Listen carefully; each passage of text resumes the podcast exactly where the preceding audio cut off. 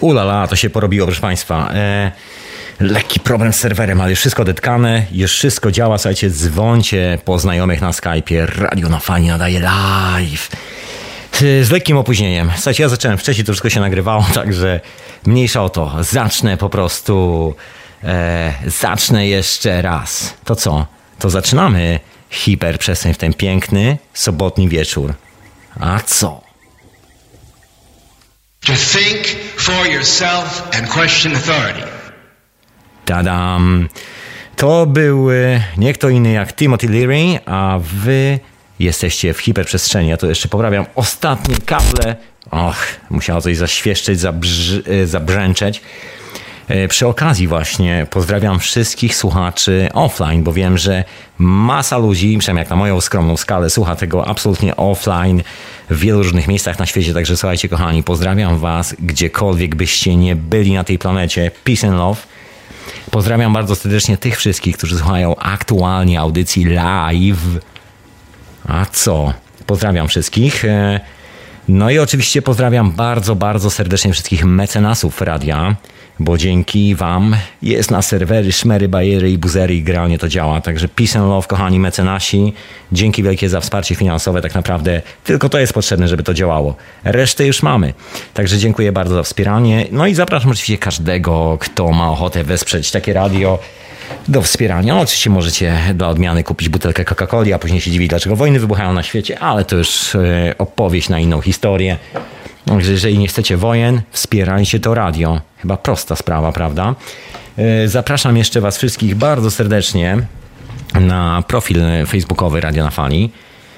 Oprócz tego, że na stronę radio na fali.com, no i na czata radiowego, ja tam za chwilę się pojawię. Zapraszam też, też wszystkich na Twittera radiowego, bo radio ma swojego Twittera, tam czasami tweetuję. Jak nie jestem zarobiony i zagoniony i mam chwilę czasu, to chętnie coś tam wrzucam, także zapraszam wszystkich bardzo serdecznie. No i co? I zaczynamy tą e, audycję. A dzisiaj, słuchajcie, dzisiaj moim gościem e, jest nie kto inny jak organizator konwentu wiedzy alternatywnej, Tomek Gruba. Tomek się już pojawił tu troszeczkę, troszeczkę czasu temu. No i nareszcie, wreszcie wszyscy mamy czas. e, No i możemy się spotkać ponownie. Także dzisiaj mam gościa. Zapraszam Was, żebyście śmiało, śmiało dzwonili po wszystkich znajomych, bo słuchajcie, jest o imprezie sezonu, która właśnie za chwilę się odbędzie w Trójmieście i ludzie muszą to wiedzieć. Musimy to powiedzieć ludziom. Dokładnie. Ja sobie może łyknę herbaty. Mm, doskonała zielona herbata. E, polecam każdemu. E, Co jeszcze chciałem? Oczywiście zostańcie dzisiaj z nami, bo oczywiście wieczorowa pora i tak dalej, i tak dalej. Także jeżeli ktoś jest zmęczony, czuje się osłabiony upałem, to sobie walni kawkę człowieku i tyle. Będzie dobrze. Zostańcie z nami, dokładnie. Okej, to tyle tych wszystkich zapowiedzi, opowieści, a ja tutaj już się, już się wdzwaniam z naszym gościem. Ta-da-da-dam. Powinien mieć jakąś ekstatyczną muzykę, która buduje napięcie sytuacji. Się zdzwaniam. Dzwaniam. Halo, halo. Halo, halo. Halo, halo, wyłączam muzykę, znaczy wyłączam radio. Idealnie. Słuchajcie, to jest nasz gość. Ten człowiek, który włącza radio. Cześć, Słyszysz mnie? Wszystko jest ok? Okej, to słyszę dobrze. mnie, słyszę ciebie, chociaż czasem miałem jakieś prze, przerywniki, ale teraz y, już cię słyszę dobrze. Dobrze, Rewelacja. bardzo się cieszę, że w końcu mnie słychać. Witam ciebie i słuchaczy i przepraszam za tą Nie ma, pro... niedogodność. nie ma problemu. Co, jak zdrowie szanownemu panu? Bardzo dobrze, zdrowie w pełni mogę nawet powiedzieć. Doskonale, y, Ciepło, doskonale. korzystam, lato, No, więc słońce leczy. to prawda, to prawda. Słuchaj, jesteś dzisiaj gościem hiperprzestrzeni po długiej przerwie. Myślę, że jest kilka tematów, które chętnie, chętnie byśmy obgadali. Oczywiście. to może zacz... Dokładnie, to może zacznijmy od pierwszej rzeczy, słuchaj. E, od konwentu wiedzy alternatywnej. Od imprezy Tak. sezonu. Zaczniemy sobie. Opowiedz, kiedy to się dzieje. Opowiedz, e, kto będzie prelegentem. Ja troszkę zdradzam tutaj na antenie, reklamując tą imprezę, mówiąc, że będzie i Kuba Babicki, i Tomek... E, ach, e, Święszek i ty będziesz i generalnie wszyscy będą. Ale Tak, powiedz coś tak, tak. więcej. No dobrze, więc zacznijmy od tego, że organizujemy w połowie sierpnia, czyli 16-17 sierpnia e, w Gdańsku, w Trójmieście, e, konwent wiedzy alternatywnej. W sumie to już jest czwarta edycja konwentów, które robimy, ale druga pod nową nazwą, czyli tak naprawdę to jest kon, drugi konwent wiedzy alternatywnej, ale przedtem były jeszcze dwa konwenty, które się nazywały zupełnie inaczej, czyli konwent świadomości fraktalnej. Myślę, że nazwa, która jest obecnie używana jest trochę bardziej, że tak powiem, rozpoznawalna przez ludzi, bo tamta była trochę enigmatyczna, więc zdecydowaliśmy się trochę ją zmienić. Mhm. Tak, jest to, można powiedzieć, równy roczek po poprzedniej edycji. No jeśli chodzi o gości i e, program, to mamy już go wypchany po, po pachę, że tak powiem. Można wejść na naszą stronę, czyli na konwentfraktalna.pl i sobie przejrzeć ten program. Ja pokrótce powiem, że no mamy część nowej załogi, część starej załogi, więc y, będą też pewni, pe, pe, pewna część osób, którzy są ulubieńcami. Na przykład właśnie Kuba Babicki będzie między innymi. No, st- Kuba stał się gwiazdą. Pozdrawiamy Kubasa, jeżeli słuchasz, pozdrawiam cię bardzo serdecznie. Świetna muza swoją drogą, dzięki wielkie za podesłanie. No tak, no ale inna znana na przykład powiedzmy w świecie alternatywnym osoba to będzie Mikołaj Rozbicki na przykład. O, proszę E, bardzo. No, pewnie, że tak. Zaczyna znowu działać tam ze swoją Też telewizją, pozdrawiam. więc Mhm. warto będzie posłuchać, co tam się dzieje. Y, Będziemy mieli Janusza Zagórskiego, przyjedzie ze swoją niezależną telewizją, też pewnie będą materiały częściowo nagrywać. y, No, będą jakoś tam współdziałać z nami, tak powiem. Miło, miło. No, no to wygląda tak. troszkę taka, wiesz, zaawansowana. Trzy ekipy prawie, że. tak, jeszcze mamy ekipę z Gdańska, czyli ta, która nagrywała czasem materiały też dla NTV Gdańsk i też tam ma się pojawić. Więc y, no, z osób, które były już poprzednio jako goście programu, no to będzie też Janusz Arlasz, który też zaszczycił nas rok temu, mówiąc o zdrowym jedzonku i y, wegetariańsko-witariańskim stylu życia. E, Będzie Przemysław Kuskie, Kuskę, który mówi o szczepionkach. Też, też osoba, która już któryś raz z kolei nas odwiedzi. Tym razem jakiś nowy temat szczepionkowy, nie wiem dokładnie jeszcze, co to będzie. E, Te tematy jeszcze nie zostały, nie zostały do końca przys- e, do nas e, przesłane, więc my też ten program publikujemy na bieżąco. Jeśli chodzi o miejsca w programie, osoby, to już jest wszystko jakby poukładane. Jednocześnie w niektórych miejscach w tytułach są jeszcze nawiasy, czyli to jest taka informacja, że jest tam podany tytuł, ale taki sugerowany przez prelegenta, a osoba jeszcze, prelegent jeszcze dośle konkretnie, jak ten tytuł, tytuł będzie się nazywać w, w danym punkcie programu. E, Będziemy mieli Cypriana Toruńskiego, który zajmuje się szamanizmem, leczeniem, kamertonami, No, e, właśnie tak, różno, e, różnego rodzaju terapiami właśnie. To też ciekawa postać. Będziemy mieli Dorotę Ziębę-Miłek, bardzo lubię jej wykłady i też bardzo ciekawa osoba i naprawdę w programie można zobaczyć, będzie miała warsztat i wykład i no bardzo ciekawa osoba w ogóle. E, Byłem pod wrażeniem jej wykładów w, zeszł- w zeszłorocznej edycji. Pierwszy raz u nas zagościła w zeszłym roku i naprawdę to było coś niesamowitego.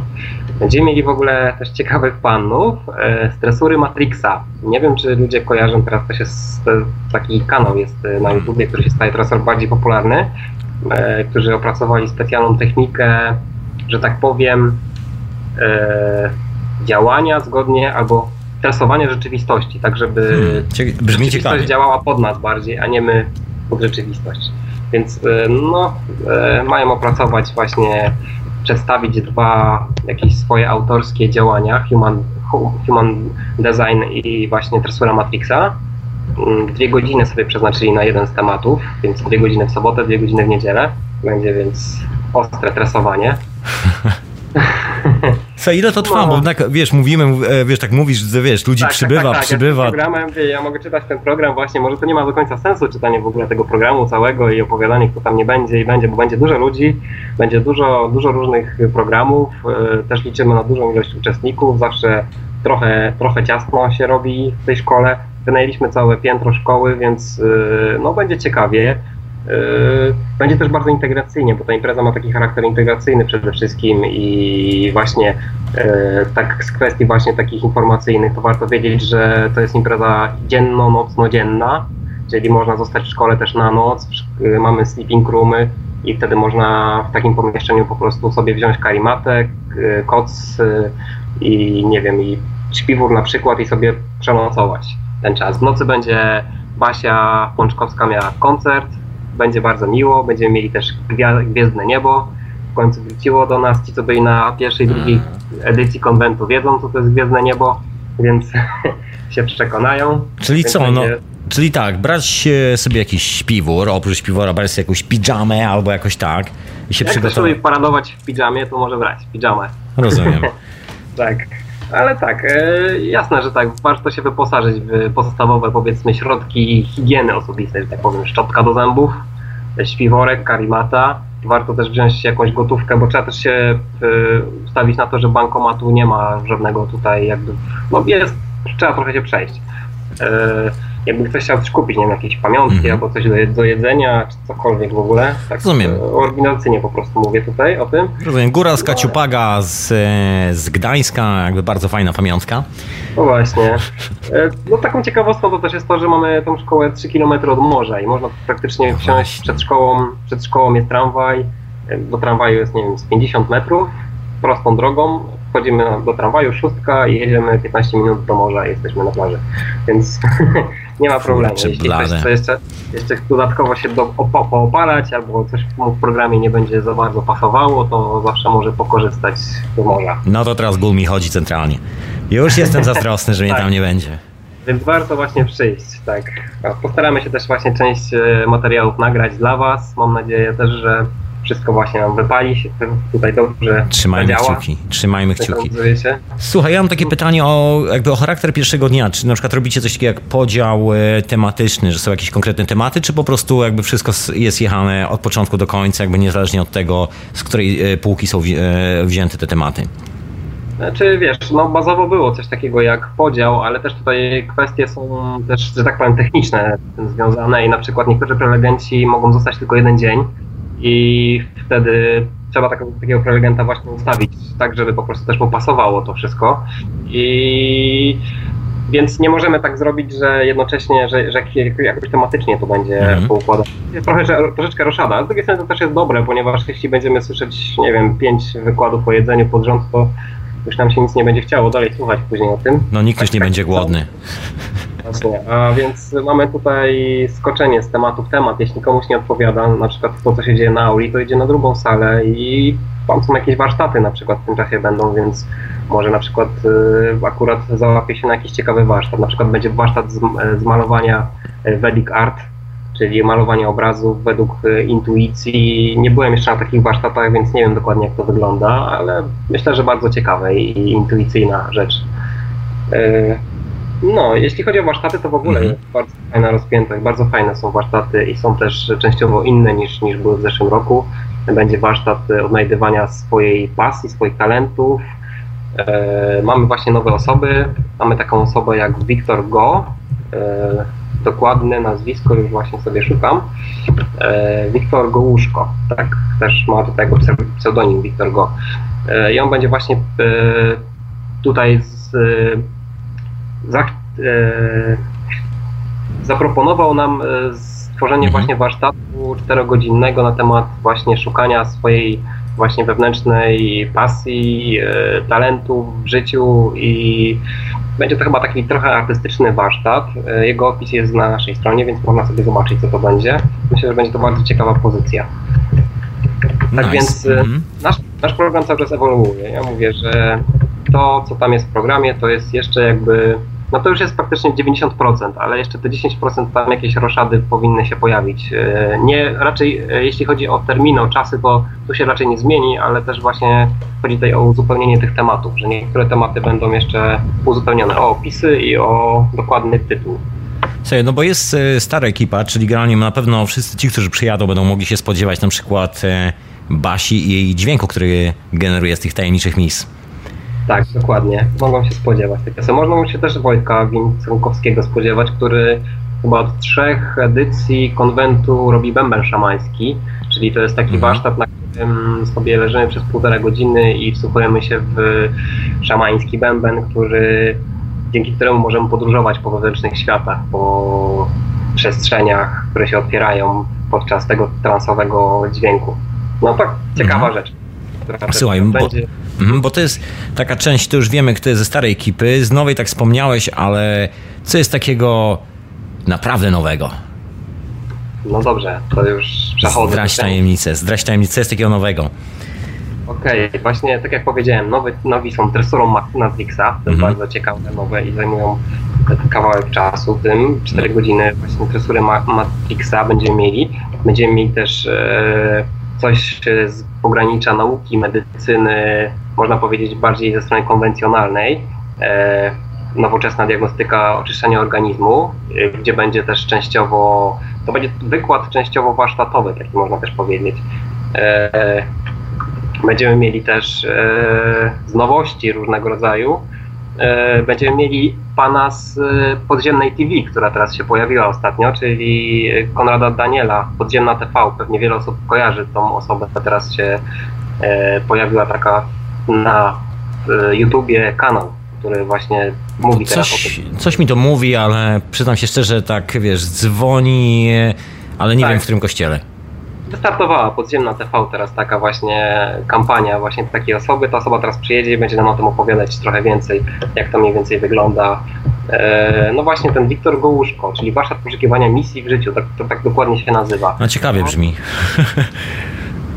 E, właśnie pan Wiktor zarezerwował sobie 4 godziny na ten warsztat, więc to będzie konkret po prostu. E, dla ludzi ciekawych siebie, dla to masa tego po prostu jest. Więc będziemy mieli sesję regresingu dehipnotycznego właśnie przez Dorotę e, mhm. Ziębę robioną. Mhm. To też myślę, że będzie ciekawą rzeczą. E, I będziemy mieli też warsztaty redukcji stresu. O, proszę bardzo, w dzisiejszych czasach to wiesz, pożądana rzecz bardzo. Tak, więc e, to będą takie różnego rodzaju nowe rzeczy. Będziemy mieli też e, psychosomatykę chorób omawianą. E, psychosomatyka coraz bardziej popularna jest. Coraz więcej osób się zaczyna tym interesować, zamiast podchodzić do konwencjonalnej medycyny, zaczynamy wiedzieć, te, zaczynamy się dowiadywać o tym, że każda choroba coś nam mówi o naszym stanie psychicznym. No i będzie osoba właśnie Piotr Denis, która się tym zajmuje, która przeprowadzi ciekawą, ciekawe informacje na ten temat. Tak, więc y, no jest tego troszeczkę. Ja mówię też, że poza tym, co jest w programie, to też ważne jest to, co się dzieje w kuluarach, bo tak naprawdę y, wiele osób na przykład, no może wiele, jakaś część osób y, na poprzednim konwencie w nocy sobie poszła na przykład do domu, ci co w którym mieście mieszkają, a ci co zostali, to moim zdaniem w nocy się dzieją najciekawsze rzeczy ponieważ e, tak naprawdę wszyscy się poznają w sleeping roomach i są rozmowy do trzeciej nad ranem i to jest moim zdaniem najfajniejsze, to integrowanie środowiska się. Więc zachęcam do tego, żeby zostać jednak na noc po koncercie i nie uciekać nigdzie poza budynek, będzie bardzo mhm. miło. No to jest, to jest zawsze wisienka na torcie, ta, ta część już po tych oficjalnych jakby wszystkich prelekcjach, oficjalnych warsztatach, wszystkich tych historiach. No to jest zawsze esencja, że tak powiem. Ludzie już mają tylko i wyłącznie swoje własne przemyślenia no oczywiście, właśnie, więc e, no, będzie bardzo ciekawie i e, będzie, będziemy mieli też różnego rodzaju stoiska. E, będzie, nawet panowie z Trestury Matrixa powiedzieli, że chcą postawić własne stoisko, gdzie będą właśnie zapraszać ludzi i pokazywać swoją innowacyjną metodę właśnie osoba z osobą właśnie indywidualnie, więc będzie można sobie zrobić takie tam u nich ćwiczenia. Nie wiem dokładnie jak to będzie wyglądać, ale no po prostu wszystkiego się dopiero przekonam, o wszystkim się przekonamy. Słuchaj, a co ty tam, a co ty tam będziesz robił, mój drogi? Bo ty też e, masz swoją rolę, poza tym, że jesteś organizatorem. Ja będę mówić z Basią o świadomym śnieniu. No, proszę będę miał, będę miał swój warsztat, e, znaczy panel dyskusyjny, gdzie sobie po prostu wspólnie pogadamy o sztuce świadomego śnienia, po co to robić, o co chodzi. Sprecyzujemy to na pewno E, do jakichś e, konkretnych zagadnień, bo oczywiście ten temat jest bardzo rozległy, więc e, ja sobie tak tutaj w opisie napisałem opowieści o nieskończonych możliwościach, bo tak to jest. Więc na pewno będzie to coś ciekawego. No właśnie, pytam się nie przez przypadek, bo swego czasu robiłeś świetne prelekcje na temat tak zwanej świętej geometrii. Mhm, tak, tak. Jeśli chodzi o, o wykłady, w tym roku zrezygnowałem z uwagi na to, że nie ma trochę przestrzeni na to, żebym, żebym jeszcze ja coś tam dokładał. Po prostu ilość prelegentów jaka jest, musimy po prostu jakby trochę już nawet prze oddzielać, musimy robić tutaj jakieś segregacje, ponieważ naprawdę jest duża ilość chętnych do wzięcia udziału właśnie w charakterach w charakterze prelegenta, osoby do warsztatów i ja po prostu w tym roku skupiłem się bardziej na zorganizowaniu, ogarnięciu, że tak powiem, całości. A swoje indywidualne warsztaty po konwencie jeszcze będę kontynuował w różnych innych miejscach, więc na pewno jeszcze nie, nie usłyszycie. Na szczęście. Tak. Nie jest to koniec, to dopiero początek, no, następny etap. Słuchaj, to ja wykorzystam y, tą okazję, skoro y, nie będzie ciebie na konwencie z żadną taką y, konkretną prelekcją, no poza oczywiście tą sprawą ze snem związaną, która też będzie na pewno konkretna, tak nie ujmując absolutnie nic z tych rzeczy, chciałem cię pociągnąć za język o twoich jakby sprawkach, o twoich zainteresowaniach aktualnie, no i o Twoich refleksjach i o tych wszystkich sprawach, o których chciałbyś powiedzieć już po konwencie. No wiesz, jeśli chodzi o główną sprawę, którą się cały czas interesuje, to ona zostaje niezmienna, mimo że się nowe dane cały czas przemieszczają, nowe doświadczenia się pojawiają. Cały czas mnie interesuje natura istnienia, dlaczego w ogóle istniejemy i o co chodzi z życiem. I im bardziej brnę ten temat, tym wiem, że, nic, że po prostu nic nie wiem. Nic nie wiem tak naprawdę. Poszuki... Gdzieś coś tak... Wiesz, poszukiwanie kamienia filozoficznego, chciałem powiedzieć. Mam to samo chyba. No właśnie, no właśnie. Chociaż jest to bardzo ciekawe. Jest to, mm, myślę, że fantastyczne. Fantastycznie jest w ogóle wykorzystywać narzędzia, które się, o których się dowiaduje, o, tak jak na przykład prawo przyciągania, w jaki sposób umysł działa na, na nasze zdarzenia, na to, w jaki sposób można być, doświadczać różnych rzeczy, jak można być wdzięcznym, bo ja naprawdę jestem wdzięczny za swoje życie, doświadczam tak niesamowitych rzeczy, i widzę, widzę też w jaki sposób to trochę działa, w jaki sposób moja sprawczość i też mój stosunek do świata odzwierciedla to i po prostu bardzo się cieszę, że obrałem taką drogę w życiu, a nie inną, że tak powiem, ponieważ naprawdę nabyta wiedza jest cenniejsza niż cokolwiek, co można by było dostać fizycznie. Mhm. Słuchaj, bo tak e, poszukujesz i poszukujesz, e, począwszy od świata świętej geometrii, a skończywszy na śnie, i chciałem się zapytać o to, czy przypadkiem nie będziesz e, próbował, oprócz tego, że będziesz, tak jak mówisz, będziesz robił z tego jakieś spotkanie, jakoś w ogóle prelekcję już po konwencie, nie tego chciał jakoś tak szerzej publikować w ogóle, jakiś taki bardziej dziarski sposób. Nie wiem, czy myślałeś o jakimś wideo, jakichś takich dodatkowych rzeczach, materiałach? Tak, myślałem o tym, wiesz, tylko jednocześnie teraz ilość pracy, że tak powiem, mnie trochę tak przyczłapiła i E, dużo mam pomysłów, dużo mam różnych e, rzeczy, które się realizują. Jednocześnie też widzę, jak to wszystko płynie i samo się układa, więc e, na pewno jeszcze będą jakieś publikacje i to wszystko. Na razie zapisuję to sobie po prostu w zeszycie. Jeśli wpadnie mi jakiś fajny pomysł, zapisuję go, mam swój zeszyt pomysłów.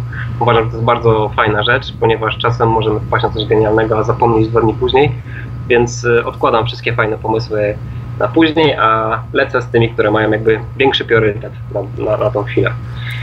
Słuchaj, bo tak, wiesz, bo robiąc ten koment, e, tak chciałem się zapytać, bo właściwie ten koment się wziął chyba stąd, że no myślisz tak jak mhm. myślisz, że to jest, że to jest ta magia przyciągania do siebie zdarzeń. Bo to też nie jest przypadek, że wiesz, że pojawił się ten konwent i że ty to robisz. To też nie jest jakaś sprawa, która wiesz, przyszła z no góry. i tak i nie. I tak i nie. Z której strony zależy na to spojrzenie. to opowiedz, ponieważ... to opowiedz troszeczkę o historii tego konwentu. Jak, powiedzmy troszkę więcej na ten temat. No jasne, pewnie, że możemy. E, jeśli chodzi o konwent, ja w ogóle to miałem już w głowie dawno temu, żeby w ogóle tak interesowałem się tymi środowiskami alternatywnymi. Już jakiś czas temu miałem w głowie o tym, żeby e, zrobić takie właśnie wydarzenie, które mogłoby integrować ludzi, gdzie ludzie mogli się lepiej poznać, a, mimo, a jeszcze do tego była prezentowana wiedza w postaci filmów, e, prelekcji, warsztatów, konkursów, czegokolwiek w ogóle po prostu wszystko naraz spuszczone, tak jak to się dzieje właśnie na konwentach. A konwenty znałem z, ze swoich młodych lat, bo ponieważ kiedyś, dawno, dawno temu interesowałem się właśnie e, różnego rodzaju innymi konwentami z charakterystyki na przykład mangi i uczęszczałem na takie wydarzenia nawet współorganizowałem, pomagałem kiedyś przy takich wydarzeniach, więc doszedłem do wniosku, że to jest świetna inicjatywa.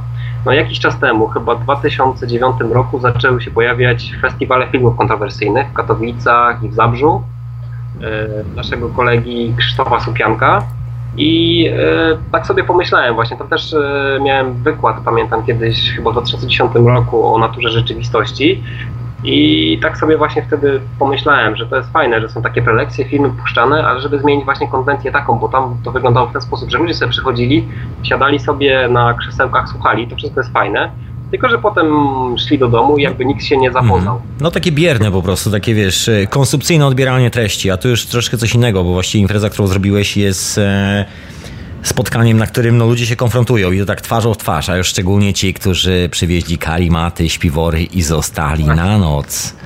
Właśnie, no spotkanie to jest właśnie dobre słowo. Tutaj ludzie się po prostu spotykają, bo tak naprawdę ten konwent odbywa się niby w salach, e, gdzie są e, powiedzmy prelegenci i osoby od warsztatów, ale jednocześnie on się odbywa, na zewnątrz, na boisku, e, w łazience, w korytarzach, po prostu wszędzie się jednocześnie odbywa, ponieważ cała szkoła jest nami zapchana tym momencie i, i każdy coś robi, za każdym razem coś się dzieje i pojawiają się jakieś różne zdarzenia, więc jest po prostu miło spędzony czas z ludźmi, którzy, których by się chciało zobaczyć. E, więc e, no ten, ten pomysł we, we mnie rósł po prostu i chyba tak sobie rósł. Pierwszy konwent pojawił się w marcu, chyba to był 17 albo 12, już nie pamiętam teraz, marca 2012 roku i odbył się on też w szkole, którą też znałem wcześniej e, z innego konwentu też, więc e, miałem wiedziałem, że w tej szkole uda się po prostu zrealizować konwent, ponieważ też e, nie jest to takie łatwe znaleźć, właśnie. która właśnie mhm. spełni i warunki nasze. A, halo, halo? Halo. I my spełnimy warunki szkoły, więc naprawdę jest z tym różnie, więc no właśnie, zanim... No, konwent, Chciałem się zapytać. Nasz, tak... konwent, mhm. nasz konwent akurat jest tutaj, jeśli, jeśli chodzi o stronę, tak, no to zapytaj mnie może. Słuchaj, chciałem się zapytać o... Słychać? E, słuchaj, troszkę przerwę, ale za chwilę może zrobimy przerwę na, na muzyczkę, także się złączymy i połączymy jeszcze raz za parę sekund. Ale chciałem się jeszcze tak, zanim się rozłączymy, będzie muzyczka, zapytać, czy nie miałeś przypadkowo żadnych problemów z organizacją tego konwentu, jeżeli chodzi o salę i tak dalej, bo czasami słyszy się, że organizując takie imprezy, ludzie patrzą na takich organizatorów z byka. Wiesz co chodzi? Dziwne treści, jakieś nie wiadomo co. Tak, tak. Wiesz co, ludzie się po prostu boją e, tego, o czym nie mają bladego pojęcia. Jest taka, taki naturalny odruch, niestety, aktualnie u ludzkiej istoty. No i ten strach czasami paraliżuje ludzi i mocno przeszkadzają. A było takie zdarzenie. Pierwszy, pierwszy, trzeci konwent się bardzo ładnie udał, nie było jakichś większych problemów, ale w drugim konwencie miałem takie zdarzenie, ponieważ mieliśmy już zaklepaną szkołę z pierwszej edycji konwentu w Gdyni. No i sytuacja się trochę zmieniła w momencie na 20 dni przed konwentem. E, zainterweniował ksiądz w szkole, że tak powiem który nie wiem, w ogóle nie słyszałem tej rozmowy, ale mniej więcej to wyglądało w ten sposób, że przedstawił to, że my tutaj jakieś dziwne rzeczy propagujemy i nie do końca się to mu podoba i poinformował właśnie tą dyrekcję szkoły, żeby jednak tutaj nie organizować tej imprezy, bo ona jest jakaś potencjalnie dziwna. Więc tego dnia, tego dnia, kiedy to się stało właśnie i ten pan mi mówił właśnie 20 dni, to było podpisanie właśnie umowy już najmu budynku i w tym momencie dostałem odmowę, więc tak myślałem, no ładnie, 20 dni przed, y, przed wydarzeniem i teraz mi tutaj y, szkoła odmówiła w ogóle współpracy, ostro w ogóle. O man, satany, satany, słuchaj, jeszcze powykręcałbyś tych ludzi na drugą stronę, strasznie by było. A, wysyłacie radia na fali, retransmitowanego w Radiu Paranormalium, hiperprzestrzeni, ja na imię Tomek, a ze mną jest drugi Tomek, już się zwaniam z Tomkiem. Tomek Gruba, organizator imprezy sezonu, konwentu wiedzy alternatywnej. Halo, halo? Jesteśmy. Halo, słychać mnie? Tak, Idealnie, wszystko jest ok, sportem nas słychać, wracamy na antenę, już jesteśmy live. Dobra, to ja się chciałem e, zarzucić kolejnym pytaniem oczywiście. Oczywiście. E, słuchaj, bo chciałem się zapytać, bo jakby ta droga, wiesz, rozwoju osobistego to jest taki... E, nie wiem, jak to najprościej chyba powiedzieć. E, generalnie, jeżeli coś robimy, to zawsze nas wyrzuca w jakimś kierunku. Mnie wyrzuciło na przykład w kierunku radia, ciebie wyrzuciło w kierunku konwentu, Wiesz, ja mam jakieś tam swoje refleksje związane z tym, jak to zmieniło wiesz, moje życie prostu sposób e, to, że po prostu robię taki projekt jak radio. I chciałem się zapytać o takie zmiany, które przyszły u ciebie z, e, z, z momentem e, wdepnięcia w organizację konwentu. No bo tak, poznanie ludzi jakby i cała ta energia dookoła. Tak, no poznanie ludzi to jest pierwsza rzecz. Na pewno dużo ludzi ciekawych poznałem. Ja mogę Ci tak powiedzieć jako taką, no, taki przykład zmiany mojej w ogóle osobowości. Ja na jednym z wystąpień na konwencie siedziałem sobie z pistacjowym mlekiem i był e, witariański wykład na temat mleka.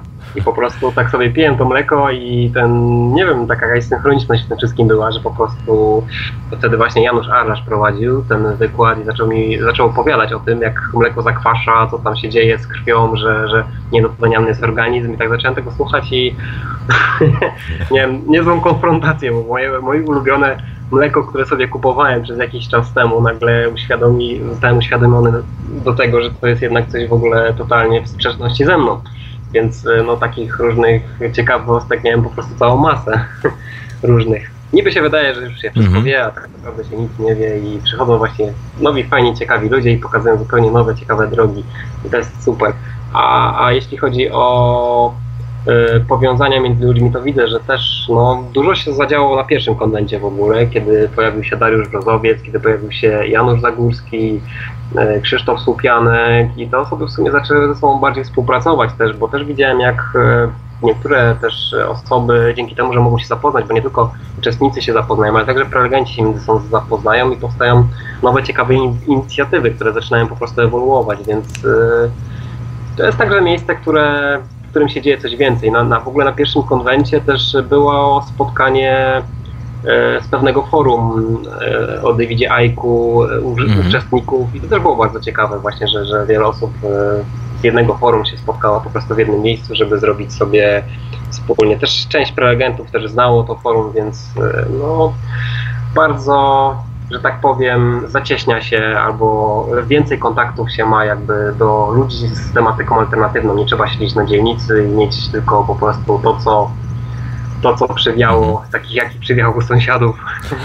więc no więc y, na pewno to poszerza horyzonty. Na pewno taki konwent y, daje też dużo energii, daje też dużo pozytywnej energii, ponieważ ludzie, których się spotyka, to są, duż, duża część tych ludzi jest uduchowiona, duża część tych ludzi jest świadoma bardzo różnych i zagrożeń, i rzeczy, które się teraz dzieją, więc y, no to nie jest tak. No przechodzą ludzie z ulicy, ponieważ są też reklamy i są osoby, którzy, które wcześniej się tym nie interesowały i tak z ciekawości tam przyjdą albo Mhm. chcą coś, coś tam coś tam może z tego znają i chcą Słuchaj, poszerzyć po prostu wiedzę. No.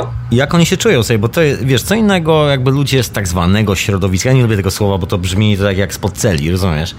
Dla mnie. E, Inna sprawa, że po prostu nie wierzę w żadne środowisko, nie ma żadnego środowiska, jesteśmy, wiesz, indywidualnymi bytami, Mhm. które po prostu mają swoją własną osobowość i jakby nie ma tutaj nawet miejsca na żadne, wiesz, środowiska. Co najwyżej jest e, miejsce na naszą wspólną refleksję. I chciałem się zapytać, e, wiesz, bo to ci ludzie, że tak powiem, którzy się w tym siedzą, to jest jedna sprawa, a ci, którzy przychodzą po raz pierwszy na konwenty, jak, No jak wygląda z nimi? Bo to musi być ciekawe, słuchaj, bo wiesz, jeżeli są e, takie prelekcje, no ja to lubię akurat jakby z powodu też na bardzo podobne zainteresowanie, jeżeli chodzi o Kubę Babickiego, Mhm, e, tak. kwestie substancji psychoaktywnych. I Także roślinek. roślin, dokładnie, roślina przyjacielem człowieka, tu mamy cały czas last play. E, Ty akurat go nie słyszysz, ale wszyscy słuchacze słyszą. No to świerkają No, ptaki. Super. Także jest leśnie. E, Jest, jest tak, roślinnie. I Jak ci ludzie reagują, wiesz, bo jest to dla takiego człowieka, który przychodzi z ulicy, to może być trochę jak obuchem w głowę. Wiesz, to jest taki świat, w którym nagle się okazuje wszelkie wiodące teorie naukowe, łącznie z trzema elementarnymi prawami e, z, zachowania energii, pędu i tak dalej. Wszystkie te sprawy są jakby spuszczane w, w toalecie. Ludzie mówią o czymś zupełnie innym. e, Pojawiają się zupełnie inne koncepcje. Dla takiego człowieka być może czasami rewolucyjne. No wiesz, nikt, e, nie widziałem, żeby ktoś uciekał jakoś z konwentu, ale też e, jak oni się czują, to nie wiem. Trzeba było chyba spytać takiej osoby. A nie miałeś zablokowanych drzwi przypadkiem, żeby wiesz, nikt tam nie uciekał. Klucze w kieszonce. Oczywiście, zamykamy wszystko na cztery spusty i trzymamy. Nie, chodzi mi, wiesz co, czy ci ludzie no, po prostu wiesz, wracają, bo to e, jest... Naprawdę, jeśli... Mhm. Wiesz, bo to jest taki, taki papierek problem, też. S- Bo Tak. to jest taki papierek lakmusowy e, takiego spotkania, jeżeli wiesz, słyszysz o czymś po raz pierwszy i cię to zaintryguje, to z reguły i chcesz jakby poszerzyć swoją informację na ten temat, to z reguły po prostu wracasz w to miejsce. Ja mam takie po prostu pytanko, czy, czy jest, jak to w ogóle wygląda, czy dużo ludzi wraca na konwent, wiesz, bo po prostu impreza się rozrasta, rozrasta i chciałem się spytać właśnie, jak to jest od strony tych, e, tych ludzi, którzy właściwie po raz pierwszy się kontaktują z tego typu informacją, to jest dla nich, wiesz, taki pierwszy raz i czy oni wracają? Halo, halo? Znowu nam urwało Tomka. Tararira, ale poczekamy, poczekamy. coś się odwlecze, to nie uciecze. No to mamy masę muzyczki, także jakby coś się działo naprawdę strasznego, to będzie troszkę więcej piosenek dzisiaj. Także jeszcze sekunda. Wiecie jak to jest ze Skype'em. Chyba każdy, kto ma Skype'a doskonale rozumie o co chodzi, że są momenty, kiedy po prostu Skype nie chce działać. Są takie teorie, że Skype specjalnie, e, że ta firma specjalnie generalnie utrudnia użytkownikom działanie, ale to w ogóle inna historia i to w ogóle taka spiskowa. A ja tu się łączę jeszcze raz, jeszcze raz, jak zwykle. E, tam. Okej, okay. zaraz się będziemy łączyli z powrotem. E, przepraszam Was, kochani, za takie zamieszanie. No tak to wygląda w dzisiejszych czasach. Latamy na księżyc, jak mówiłem, a ciężko jest zrobić, żeby komunikator działał, bo oczywiście firma musi e, kontrolować wszystkie dane, zbierać te informacje po to, żeby budować sobie profil e, konsumenta, użytkownika, żeby nam później sprzedawać jakieś gówno. No, na tym to polega. Po to, po to jest to zrobione. Jest to przerażające troszeczkę, że jesteśmy sprowadzeni do roli konsumenta, takiego końcówki interfejsu, która ma wyrzucić z siebie dane do systemu, który zanalizuje i pod nos podsunie nam nowy model telefonu z butelką Coca-Coli. Czy jakoś tak. Przerażająca historia. No jak widać, zupełnie nie chce działać. w praktyce, ale my się łączymy jeszcze raz, jeszcze raz. Okej, okay, jesteśmy z powrotem. Tak, witam, przepraszam tę sytuację, nie. coś takiego się dzieje tutaj właśnie. Normalnie takie rzeczy po prostu nie mają miejsca, nie wiem, może sąsiad zaciąga coś na, na Wi-Fi teraz, bo normalnie e, wszystko działa. Ja podłączyłem tutaj drugi internet, który jest właśnie darmowy, na, ale on się co godzinę rozłącza i widocznie ciągniemy na tym darmowym internecie. Słuchaj Tomek, ja ci powiem taką śmieszną rzecz. To jest w ogóle takie norma- z tym, e, z tym Skype'em w ogóle, jeżeli chodzi o tak zwane media w cudzysłowie niezależne.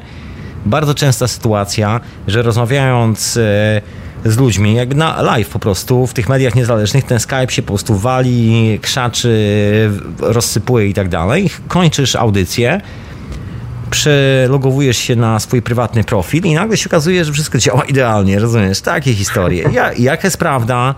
Nie wiem, znaczy domyślałem się pewnych rzeczy, bo wyciekły dokumenty i wiadomo, że zarówno i Google i Microsoft cenzurują treści takimi sprytnymi algorytmami, na przykład zrzucają, żeby się nie indeksowały lepiej, żeby Coca-Cola się mhm. indeksowała pierwsza.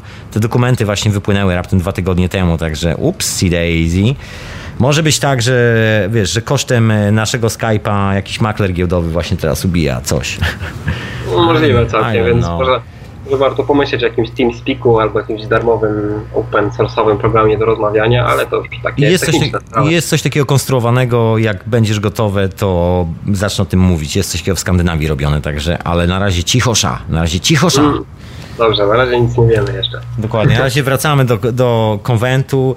Wiesz, tak się pytam po prostu o te zmiany, o te zmiany, bo zacząłem od zmian u ciebie, czy coś to zmieniło w twoim życiu. Bo, wiesz, bo takie spotkania i jakby kontakt z ludźmi, według nie tylko definicji w ogóle z psychologii i takich teoretycznych w ogóle opowieści z książek, tylko w ogóle no, to są sytuacje, które po prostu zmieniają naszą percepcję rzeczywistości, zmienia naszą percepcję świata i chciałem się ciebie, bo tam nam zerwało strasznie, zapytać, wiesz, ilu z tych ludzi, którzy pojawili się na pierwszym konwencie albo na drugim, e, tak po prostu przez, przez przypadek wróciło, bo podejrzewam, że masz gigantyczną aktualnie grupę tak zwanych powracających, ludzi, którzy byli na poprzedniej imprezie, powiedzieli znajomym i stwierdzili, man, to jest po prostu impreza sezonu, to jest prawdziwe lato w mieście, idziemy razem z tobą. Tak, tak, jest cała, cała masa ludzi, których rozpoznaję, których znam po prostu, ta nasza grupa znajomych w ogóle się rozszerza coraz bardziej i no, wiem, że są osoby, które nawet same nam powiedziały, że pierwszy raz były właśnie na konwencie i się zetknęły pierwszy raz z tą tematyką, a teraz to są prawdziwi wyjadacze no, w temacie, więc no więc yy, tak, jest cała masa ludzi na pewno na konwencie, myślę, że jakieś 70% osób to będą osoby, które pewnie już były wcześniej, ponieważ tak już po prostu co roku sobie jeżdżą, żeby jakby razem się spotkać i z powrotem i jakby z, to, zrobić tą synergię energii, żeby w jednym miejscu pojawiło się dużo fajnych osób i, i coś zaiskrzyło po prostu większego. Po to ludzie też się spotykają, myślę, właśnie w takich większych grupach ze sobą. Słuchaj, pytanie, czy już masz pierwszego prelegenta na swojej imprezie, który y, był właśnie takim kolesiem. Przyszedł, wiesz, po prostu z ulicy, zobaczył plakat, a teraz już jest prelegentem. Czy jest jeszcze za wcześnie? Kurczę, no nie wiem, czy coś takiego w ogóle miało miejsce. Co, ja, ja myślę, że tak będzie, wiesz, bo no, takie tematy gdzieś się pojawiają, wypływają, inspirują ludzi, a później ci zainspirowani ludzie robią swoje własne research. No słuchaj, sam jestem, jesteś świetnym przykładem tego wszystkiego. Ja też Mhm. Jestem dobrym przykładem tego, że gdzieś tam coś usłyszałem i wiesz, postanowiłem zacząć robić własne poszukiwanie i to z, z domeny w ogóle swojej, swojego zawodu po prostu, bo była to jakaś tam sprawa troszkę związana z moją pracą. No i efekt jest taki, jaki jest. U ciebie jest bardzo podobnie, no bo jesteś takim człowiekiem posiadającym klasyczne wykształcenie, można powiedzieć, akademickie.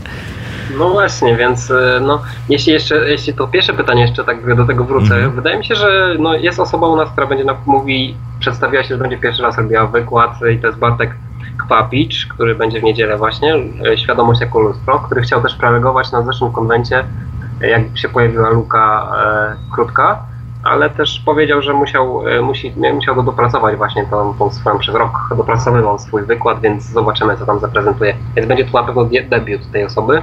Ale czy to jest osoba z ulicy, to nie wiem, czy się mhm. interesowała wcześniej tą tematyką. Podejrzewam, że już wcześniej znała tą tematykę. Więc, więc tak. A teraz po drugie pytanie, które mi zadałeś, to mi wyleciało z głowy, więc jakbyś mi przypomniał. Wiesz, o, o, te źródła inspiracji po prostu, że każdy, wiesz, bo jesteś człowiekiem, który ma klasyczne wykształcenie. Po, powiedz ludziom, powiedz ludziom. Mam klasyczne wykształcenie.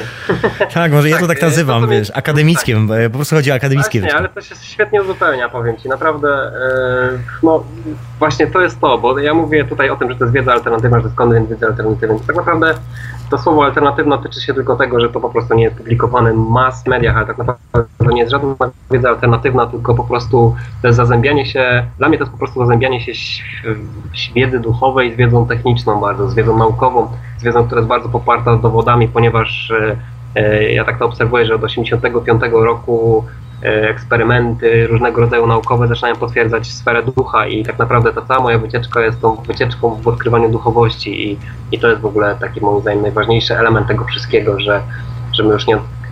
Spiski to jest jedna sprawa, e, czy jakby to tam nazwać konspiracje, różnego rodzaju polityczne rzeczy, kwestia zdrowia to jest też jakaś inna rzecz, ale generalnie jest jakaś taka większa gałąź, która mnie interesuje, no i to jest właśnie związane z fizyką kwantową. To, co mnie inspiruje właśnie, no to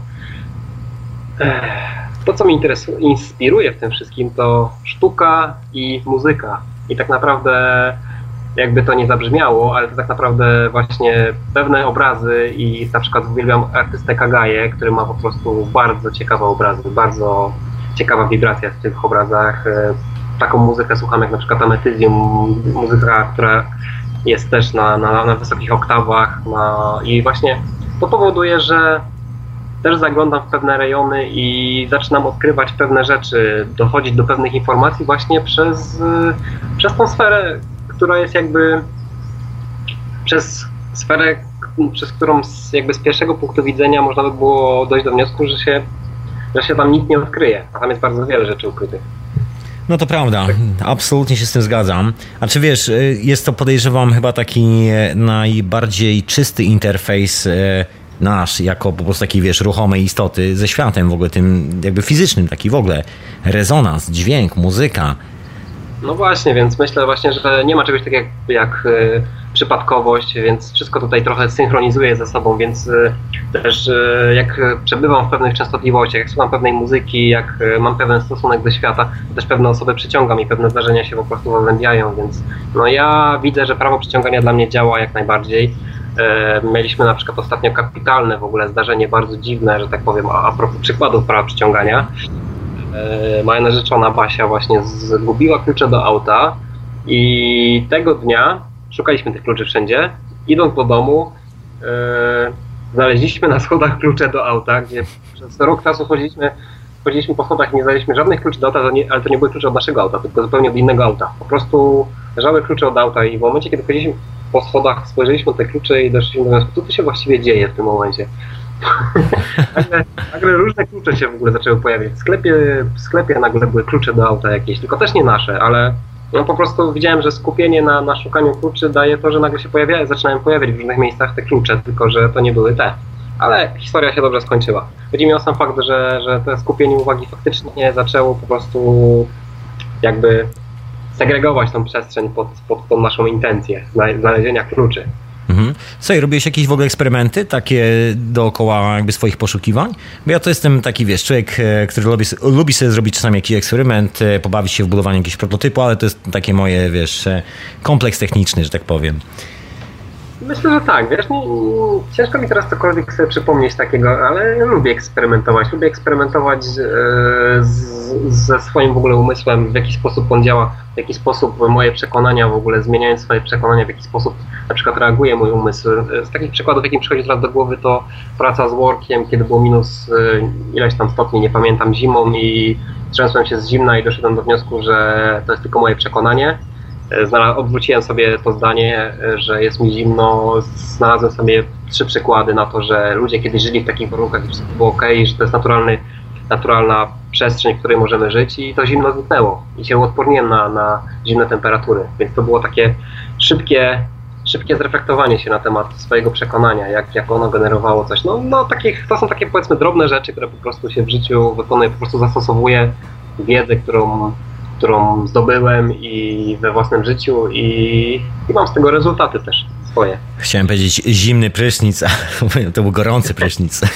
No właśnie, ale jak to robią morsi? No morsi mają po prostu inne przekonanie, mają też są przyzwyczajone swoje ciało, no ale każdy może przyzwyczaić swoje ciało. Wszyscy mamy takie same predyspozycje. Na przykład na, na warsztacie snu właśnie mówimy o tym, że każdy z nas ma predyspozycję do tego, żeby świadomie śnić, żeby pamiętać sny dokładnie, żeby wychodzić z ciała, żeby robić wszystko, co chcemy tak naprawdę. Z, nikt nie jest ani lepszy, ani gorszy i osoba, która jest morsem po prostu ma troszeczkę inaczej poukładane pewne przełączniki w głowie. To wszystko się odbywa w głowie.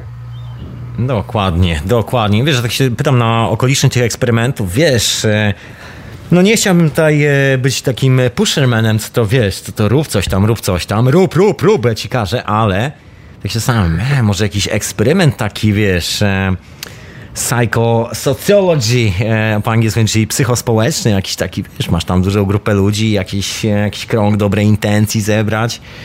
No wiesz co, no nie przypominam sobie, że na ludziach eksperymentował jakoś, więc e, no żadnych jakichś takich statystyk poza statystyką wchodzenia osób na stronę to raczej nie prowadzę, więc chyba nie robię takich raczej eksperymentów. Nie, ja tak się pytałem, że może wiesz, na tych warsztatach po prostu zrobisz jakiś taki szalony eksperyment, który nagle spowoduje, że całe Trójmiasto uniesie, uniesie się nad poziomem ziemi. Dobra, żartowałem, e, to nie aż tak. E, ale rozumiem, do czego zmierzasz.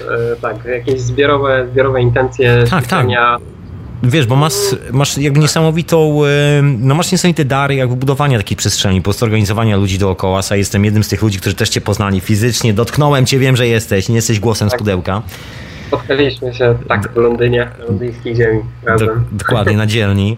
Także z, um, Wiesz, niesamowite jest to, że, że wiesz, zgromadziłeś taką ilość ludzi i to jest, e, to jest taka okazja, żeby zawsze, wiesz, móc, jeżeli się chce przeprowadzić jakiś taki eksperyment, bo w twoim przypadku jakby całość, no może nie wszyscy oczywiście, którzy wpadają na tę imprezę, ale większość ludzi doskonale wie chyba o co chodzi. Tak, ale wiesz, ja się w tym wszystkim czuję też elementem. Ja może to ogarnąłem, może zorganizowałem tą samą imprezę, ale tak naprawdę to ci ludzie sami tam przyszli i prelegenci, którzy też przychodzą i, i osoby, które to prowadzą, to też są różne poszczególne osoby i tak naprawdę jestem po prostu pewnym puzelkiem, który akurat tą czynność wykonuje. Akurat czynność ogarniania. I nie czuję się osobą, która jest, jest takim jakimś o, wszystkimi teraz zarządzam i będę nad nimi, nad nimi eksperymentował, wręcz przeciwnie w ogóle. Uważam się jako jedna z tych osób w ogóle i też yy, jeśli chodzi na przykład o sprawy konwentu, to chcę tam po prostu też współuczestniczyć na tym konwencie, się tam będę dobrze bawić. A mhm. ogarnianie tej imprezy to będzie druga sprawa. Oczywiście no. będę miał swoje, swoje mhm. rzeczy związane z tym, ale no ale tak to mniej więcej wygląda. Okej, okay, to nie namawiam, wiesz, bo tak się pytałem, czy będziesz chciał przeprowadzić jakiś eksperyment e, socjologiczny typu Rupert Sheldrake, Sheldrake albo coś takiego. E, mamy tu gościa, witam Grzegorzu serdecznie, halo, halo. No, dobry wieczór Państwu. Dobry wieczór Panu. E, co tam u Państwa w ogóle słychać? Doskonale słychać, proszę Pana. Jak zdrówka szanownego Pana? Bardzo zajebiście jest, ale i, w jakim momencie teraz jesteśmy, tak chciałem zapytać. E, w dobrym momencie. A, no to jak w dobrym, no to ja się tylko mogę cieszyć chyba. Słuchaj, czy masz jakieś pytanie do gościa, skoro dzwonisz? O, czekaj, no, a gość jest, o matko jedyno. Weź wymyśl jakieś ja, Słuchaj, to może ja cię rozłączam. Pomyśl nad pytaniem, jak masz jakieś pytanie, a my wracamy do naszej rozmowy. Dobra, no to se wracajcie. Pozdrawiam gościa serdecznie. Niech, niech mu się wiedzie, niech żyje i dzieci niech mu się rodzą. No, no właśnie. Dobra, dziękuję bardzo. No to, no, no to narra. Narra. Słuchajcie, to był Grzegorz, który się odezwał z Nienacka. No tak, tak to jest z, z telefonami. To jest radio absolutnie live, em, także takie rzeczy się dzieją. Em, Dobra, czyli generalnie nie, be, nie będzie się można spotkać e, Tomek w koszulce Wielki Boss na konwencie. E, Myślę, że, że może będzie mnie można spotkać w koszulce Radio na Fali. No, Nie. właśnie, no Jestem właśnie. posiadaczem takiej koszulki, więc e, myślę, że, że to też jest święta geometria. Jest jak najbardziej. To też jest na sercu i to też jest e, czakra serca, jednocześnie sześciokąt, więc no wiele, wiele to znaczy. Więc, Sej- no, przepraszam bardzo, miałem takiego słuchacza, który wylądował w tej koszulce w, w zamorskich azjatyckich krajach się okazało, że tam wszyscy kumają o co chodzi. Napisał maila, mówi, słuchaj, e, ludzie mnie zaczepiają na ulicy, pokazują na koszulkę i mówią, że dobrze. Coś w tym stylu, rozumiesz? Że, że wiedzą, że jest okej.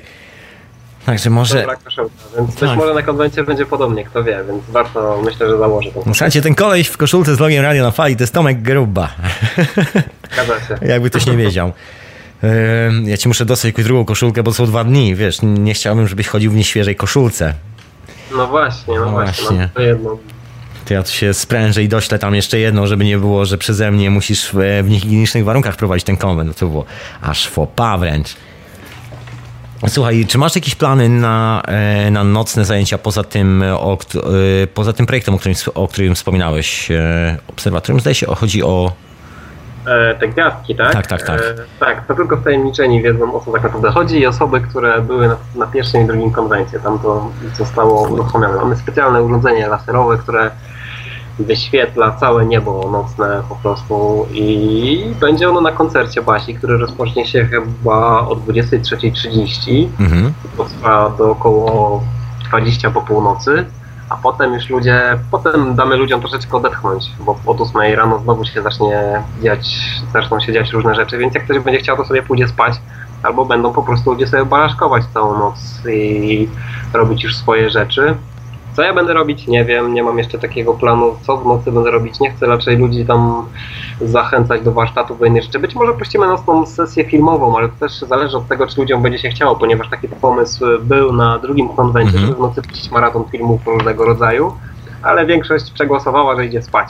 Bo byli już tak po prostu naładowani tymi wszystkimi informacjami, że doszli do wniosku, że filmy to sobie mogą w domu obejrzeć. No to Więc prawda, to wiem. prawda. Więc, więc zobaczymy, jak to będzie z tymi filmami. Wiesz- Oczywiście op- opcja puszczenia filmów zawsze jest. Ja to jestem takim zwolennikiem, że jeżeli masz tam gdzieś miejsce, żeby zrobić duże ognisko. nie wiem, czy. Oczywiście miejsce na ognisko tam też jest. Wow! Ludzie, czy wy to słyszycie? Po prostu jest, może być duże ognisko. No To i teraz jest- jeszcze następna kwestia jest też, że, że na drugim konwencie po, po całej imprezie też ludzie pojechali wspólnie ognisko palić. Też, to też coś takiego było, że, że jeszcze integracja trwała, jeszcze impreza się skończyła, a ludzie gdzieś tam na plażę. Wy, wy, wy. Ja już nie, już nie jechałem, bo ponieważ musiałem to wszystko jakby posprzątać, że tak powiem, więc y, Mhm. nie wiem co tam się działo, ale ponoć konwent trwał dalej beze mnie już. Bez, bez załogi sprzątającej. No proszę, ale nie no, to jest, e, że tak powiem, taka opcja na wypasie, tak e, po prostu bezceremonialnie mówiąc, żeby sobie tak przy takim ognisku posiedzieć. Ostatnio siedziałem przy takim ognisku na, o, na Sobótce, ale tak tylko przez parę chwil, no i była to moim zdaniem chyba najfajniejsza część e, całej imprezy, gdzie po prostu paru ludzi usiadło sobie później przy ognisku i była już taka okazja, żeby sobie po prostu porozmawiać. No może nie było jakichś takich, wiesz, e, wielkich, e, mocnych rozmów, no ale też nie, to nie była taka impreza. No bardziej tak już wszyscy się relaksowali przy tym ognisku. Także Tak. jak mówisz, że masz opcję na ognisko, słuchajcie kochani, Trójmiasto, Trójmiasto, do, dokładnie do Gdańska, już za parę dni, 15-16 zdaje się, tak? Zostało chyba 20 dni w tej chwili, albo 21 dokładnie. No, a jak się wejdzie na stronę konwentu, to jest licznik, który odlicza dni do końca. Chyba na chwilę obecną jest 21 dni, więc e, no, czasu coraz mniej. Więc też zachęcam do przedpłat przede wszystkim, bo e, to też nam ułatwia organizację, ponieważ musimy trochę przedłożyć pieniędzy na wynajem całego budynku, na sprzęt, na, na prelegentów, więc e, no to też po prostu wiadomo, że jest potrzebna energia i ta finansowa energia też, też działa. Oczywiście bilety będzie można kupić także na wejściu w dniu imprezy, Mhm. ale tutaj mamy gwarancję tego, że Mamy te wejściówki, e, też e, identyfikatory, które będą przy przedpłacie będą wydrukowane z imieniem, nazwiskiem lub z nikiem, jak ktoś woli. A jeśli ktoś będzie już na wejściu wchodził, to sobie sam markerem po prostu wpisze nick, jaki chce. Też, no też mamy to, żeby, że, że bilety na wejściu są 5 zł droższe. Czyli mamy coś takiego, że bilet, bilet na całą imprezę w ogóle kosztuje 60 zł. Na cały dzień. Łącznie z tym noclegiem, z wszystkim. Czyli w sumie od to jest cała tak. impreza, tak? To jest 60 zł za całą imprezę. Od początku tak. do końca. Okej. Okay. Tak. Możemy sobie pójść tylko na sobotę za 35 zł, ale też e, też e, no, tak, tak, też nie wchodzi w grę, ponieważ ten bilet jest tak naprawdę ważny do 22 godziny. No i później już, e, ponieważ mamy, mamy osoby, które będą w ochronie, które będą po prostu sprawdzać tam te identyfikatory i to też jest tak, że, że po prostu musimy pewne, że tak no, normy powiedzmy E, Rozumiem. które mhm. szkoła akceptuje spełniać. Więc mamy też bilet e, niedzielny, który kosztuje 25 zł i to jest bilet tylko na niedzielę po prostu. No więc e, jeśli chodzi o, to są wersje na przedpłatę, bo jeśli kupimy bilety właśnie w dniu imprezy, to będziemy płacić 65 zł za całość, 40 zł za sobotę i 30 zł za niedzielę. Tak naprawdę każdy bilet będzie 5 zł droższy po prostu. No tak, tak po prostu jest w właśnie wersji nieprzedpłatowej. Mhm. Więc zachęcamy do przedpłaty.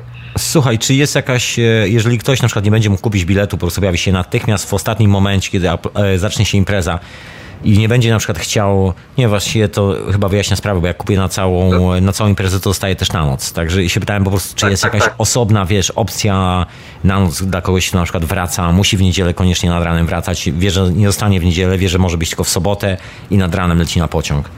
Nie no, oczywiście jest opcja jakaś e, zmiany i jeśli... Okay. Ktoś, mhm. Tak, tak, takie opcje wchodzą w grę też. No, jeśli chodzi o.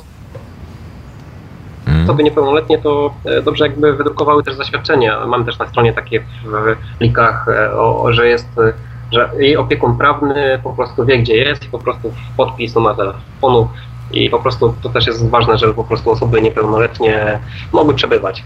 To chodzi o, o godziny nocne tak naprawdę, albo w dzień to, mhm. to nie jest ważne naprawdę, więc impreza jest dla każdego, każdy może przyjść, nie, nie ma tu jakichś większych ograniczeń. E, tak, tak to wygląda właśnie z tej... tej... Mhm. Ilu ludzi się mniej więcej spodziewasz e, już teraz? No, mam nadzieję, że 200. A, to duża już impreza, to jak na takie spotkanie to jest naprawdę bardzo dużo też, ludzi. Też, też tyle biletów przewiduje, przewidujemy, ponieważ e, no, jeśli będzie naprawdę dużo ludzi, to na pewno dodrukujemy. Też e, istnieje opcja też wynajęcia jeszcze jednego piętra w szkole, ponieważ wynajmujemy jedno piętro całe, czyli pierwsze piętro. No i łącznie z parterem, gdzie, gdzie parter to jest wejście, gdzie, gdzie będą stoiska po prostu, ale też e, mamy opcję jakby zabrakło miejsca, żeby jeszcze do, donająć jeszcze jakieś, e, jakieś miejsca, przestrzenie, więc zobaczymy jaka będzie frekwencja ludzi. Jest wakacyjnie, więc e, no, turyści się pojawiają różnego rodzaju. No men, lokację masz niesamowitą. Wszystko dzieje się w Gdańsku, czyli w polskiej stolicy, no może nie Bałtyku, bo jest Zatoka, a nie Bałtyk, ale, ale wszyscy mówią, że Bałtyk. No tak, no, miasto jak miasto dla mnie, wiesz. No, duże miasta dla mnie są bardzo podobne. Ja tam akurat jestem zwolennikiem wychodzenia w mniejsze miasta, ale tak, ale tutaj mamy ten plus, że raz szkoła jest blisko lasu, jest praktycznie y, za płotem już mamy las, a z drugiej strony mamy morze, mamy tylko wsiadamy do tramwaju 3 godziny, 3, przepraszam, 3 godziny, 300 metrów, 15 minut i, i mamy jesteśmy na plaży w Jelitkowie i mamy tam wszystkie właśnie rzeczy, więc to też jest jakaś opcja na, na spędzenie wakacji. Można przyjechać wcześniej, to, to jest wielki weekend tak naprawdę, więc można przyjechać wcześniej, w czwartek sobie na przykład i zrobić całą wycieczkę, łącznie z konwentem. Czyli klapki, ręczniczek, wszyscy Przyda. wiedzą o co chodzi, na plażę. No właśnie, przyda się na pewno. Otóż to. To co, to my robimy chwilę przerwy i zwaniamy się po chwili przerwy. No super. Tym czasem jakaś letnia muzyczka. A ja mam gościa, ze mną jest mój imiennik Tomek, e, organizator konwentu wiedzy alternatywnej. I zwaniam się za parę chwil. A my dalej siedzimy w lesie, a wysłuchacie Radia na Fali, audycji hiperprzestrzeni retransmitowanej w Radiu Paranormalium. Ja jestem jednym kątem oka gdzieś tam na czacie, a z nami jest gość, mój imiennik, e, też Tomek. Świat jest pełen Tomków, a wszystkie Tomki to fajne chłopaki. Tomek Gruba, organizator y, konwentu wiedzy alternatywnej. Halo, halo? Jestem. Idealnie. Dobra, to po konwencie, słuchaj, po tych wszystkich organizacyjnych sprawach chciałem tak. przystąpić do ataku frontalnego. Żartuję sobie, żadnych ataków, Absolutnie, słuchaj. Chciałem się zapytać o twoją koncepcję rzeczywistości troszeczkę, o to, jak ty na to wszystko patrzysz. Bo jesteś człowiekiem, który poszukuje tego wszystkiego, szuka odpowiedzi na te pytania i do pewno, na pewno do pewnych wniosków już dotarłeś. No i chciałem się zapytać, jeżeli na przykład mógłbyś polecić e, na przykład mi, jakie kierunki poszukiwań e, i opowiedzieć, w których, w których kierunkach ty się udałeś i które dla ciebie były inspirujące. Wiem na pewno, że geometria, czyli ten e, język wiesz, wizualno-obrazkowy, drugą stroną jest dźwięk. Tak. I gdzie się, E- zacze- gdzie się zaczepić? Gdzie powinienem się na przykład zaczepić, e, jeżeli chciałbym na przykład poszukać troszeczkę w kierunku właśnie jakby twoich obszarów zainteresowań? Moje obszary zainteresowań, wiesz, są związane przede wszystkim z umysłem, z, z zen trochę może, ze świadomym śnieniem, właśnie z pracą, e, tak jak na początku, albo w jakiejś części tego dzisiejszego wystąpienia, mówiłem o tym, że e, ja poszukuję, nie zawsze poszukuję. Czasem jest taki moment, że odpoczywam od tego poszukiwania i się zatrzymuję w tym wszystkim. Więc no, święta geometria, dźwięk to jest tak jakby jedna część składowa tego wszystkiego, ale to, co mnie najbardziej interesuje, to jest e, naukowe podejście do tego wszystkiego i e, staram się jakby połączyć ten umysł logiczny z abstrakcyjnym, ponieważ e, interesuje mnie tutaj jakby naukowe udokumentowanie duchowości.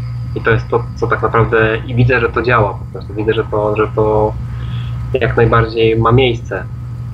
Więc e, co mógłbym Ci polecić? ojej, oj.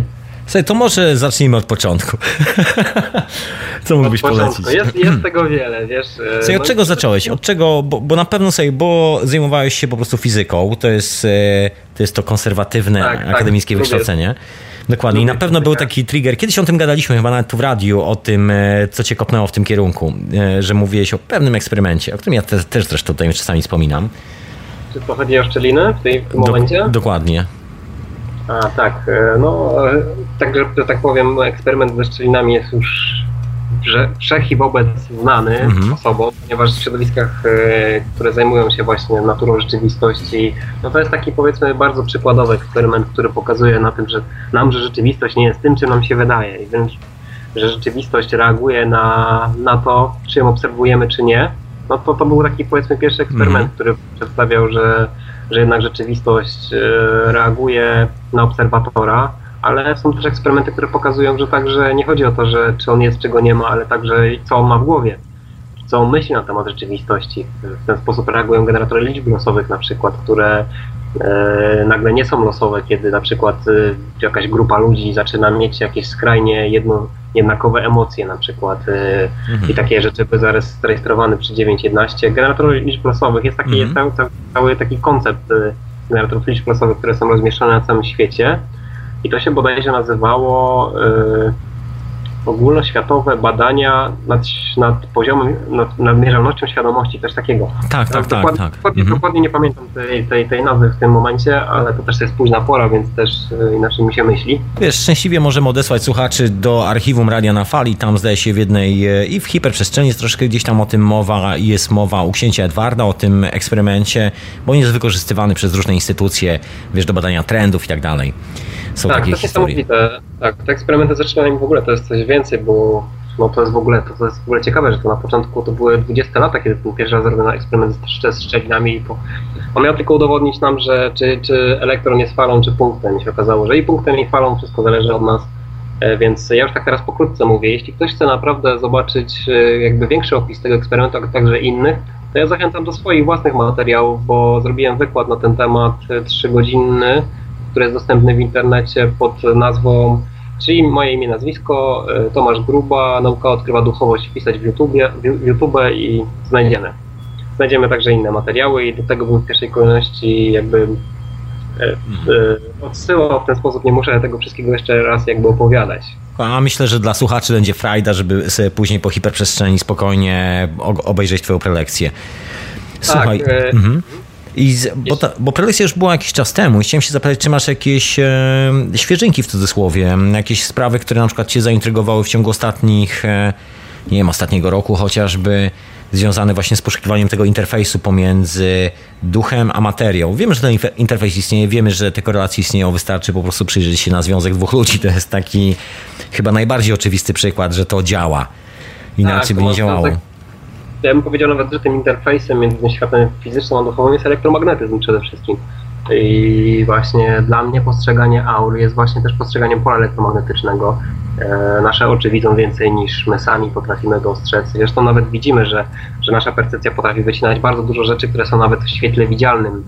To też jest polem elektromagnetycznym, falą elektromagnetyczną jest, e, jest wycinane po prostu, nie widzimy niektórych rzeczy, więc e, duchowość jest dla mnie światem duchowa, bo powiedzmy te warstwy cebuli, jak to mówią szamani, mhm w Peru, że świat się składa z warstw cebuli. Dla mnie to po prostu e, to są wyższe częstotliwości wibracyjne, ponieważ no, Einstein już kiedyś powiedział, że wszystko jest energią. Już tam nie wnikajmy w sprawę Einsteina, po prostu chodzi o sam koncept energii, że wszystko jest energią w rzeczywistości. I, i, e, i po prostu E, dla mnie rzeczywistości po prostu nakładają się na siebie. Może i oczywiście to, co ja mówię, jest teorią dla mnie, ponieważ nie wiem, czy tak będzie na, mm, naprawdę, dopóki tego nie sprawdzę.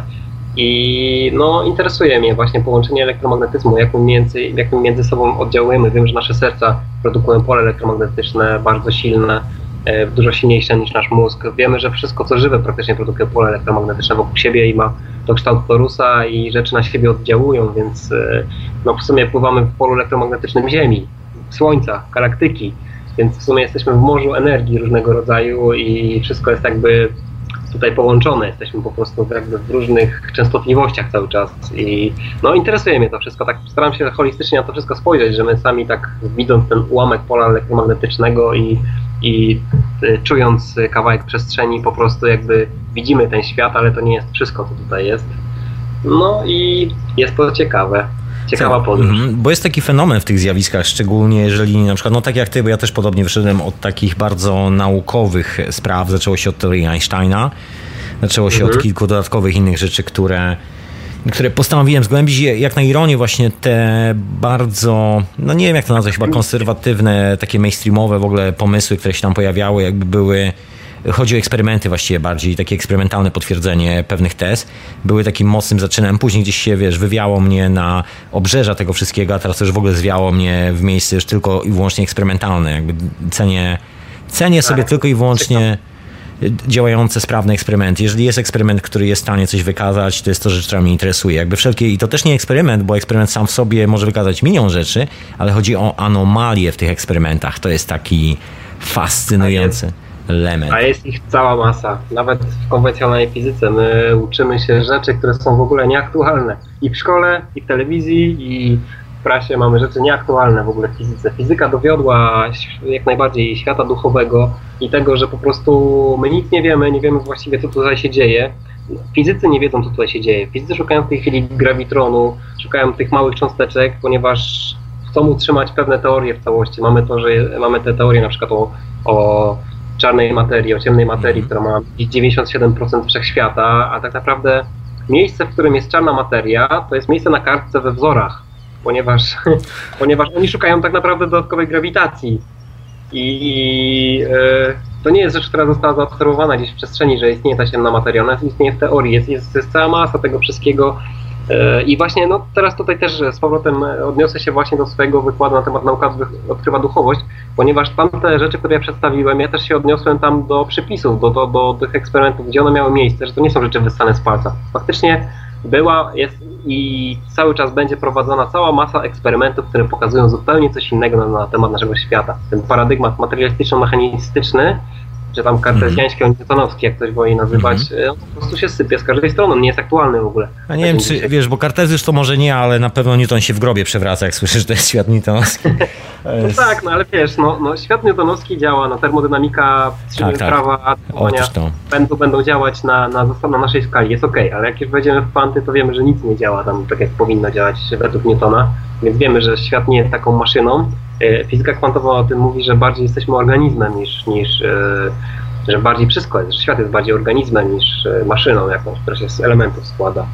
No więc to wszystko jest bardzo ciekawe i teraz no, warto w tym wszystkim znaleźć jakiś konsensus i jakoś to wszystko sobie poukładać i po to chyba mamy też umysł logiczny, żeby nie zrobić sobie z tego jednej wielkiej papki, tylko znaleźć w tym wszystkim jakiś sens i, i to robią właśnie naukowcy, starają się właśnie w swoich teoriach jakby mhm. poukładać sens naszego istnienia, co tu właściwie się dzieje, jak ten świat wygląda. No i te teorie cały czas się zmieniają i wiemy, że teorie, które są obecnie aktualne w fizyce, są właśnie teorie oparte o świadomość i energię. I to nie jest to nie rozchodzi się jeszcze dalej, ale coraz więcej, coraz więcej poważnych naukowców, którzy tam siedzą w, tym, w tych cernach i w różnych innych ośrodkach, yy, mówi właśnie o tym. No, czas najwyższy, bo to już tak, wiesz, minęło 100 lat, y, y, właściwie prawie 200 lat mija od momentu, kiedy, na, kiedy dawniej twierdzą, że człowiek jest zjawiskiem, no wtedy mówiono prawdopodobnie elektrograwitacyjnym. Później było 200 lat e, wmawiania nam, że wszystko jest zupełnie inaczej. No i teraz powoli to wszystko wraca do łask. Bardzo powoli. Inna sprawa, a propos wspomniałeś właśnie o tym, że się zmienia fizyka.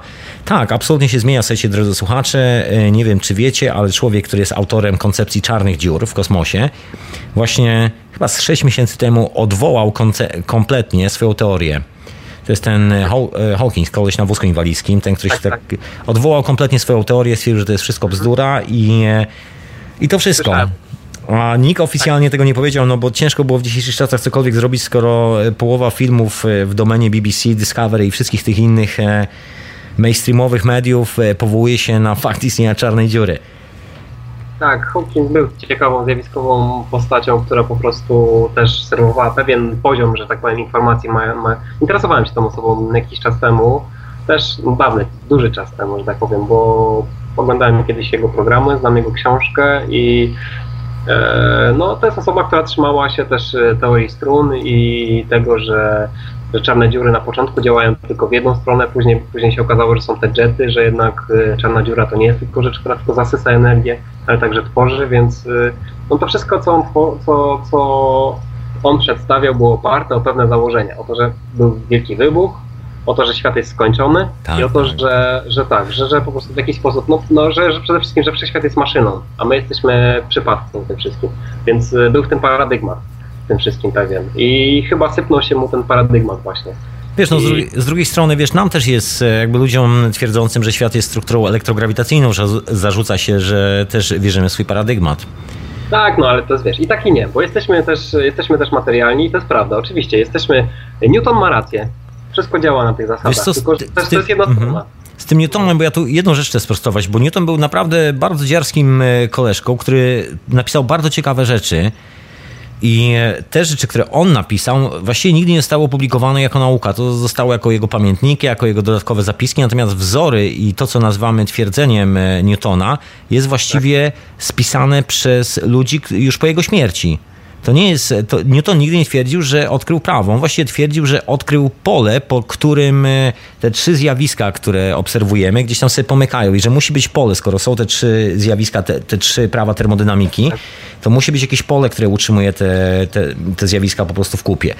Natomiast jak, jak ta teoria trafiła do nas, to już bez tego pola się okazało, że są zjawiska i one są święte i to jest taka, wiesz, święta trójca i nikt już nie może wetknąć palca tam, bo to powiedział Newton, a on już nie żyje, także wynocha. Z tego co pamiętam, to Newton chyba napisał jako pierwszy taki elementarz matematyki, czyli, czyli taką podzawalinę fizyki ze strony matematycznej, że można liczyć rzeczy. E, to Kartezjusz, to, to Kartezjusz był e, pierwszy. To on właśnie miał taką jazdę. Znaczy Newton też takie popełniał historie, ale to Kartezjusz. To tak, właśnie. ale Newton, Newton też miał jakieś matematyczne dzieło, chyba pamiętam, ale to jest chyba teraz nieistotne w tym momencie. Mhm.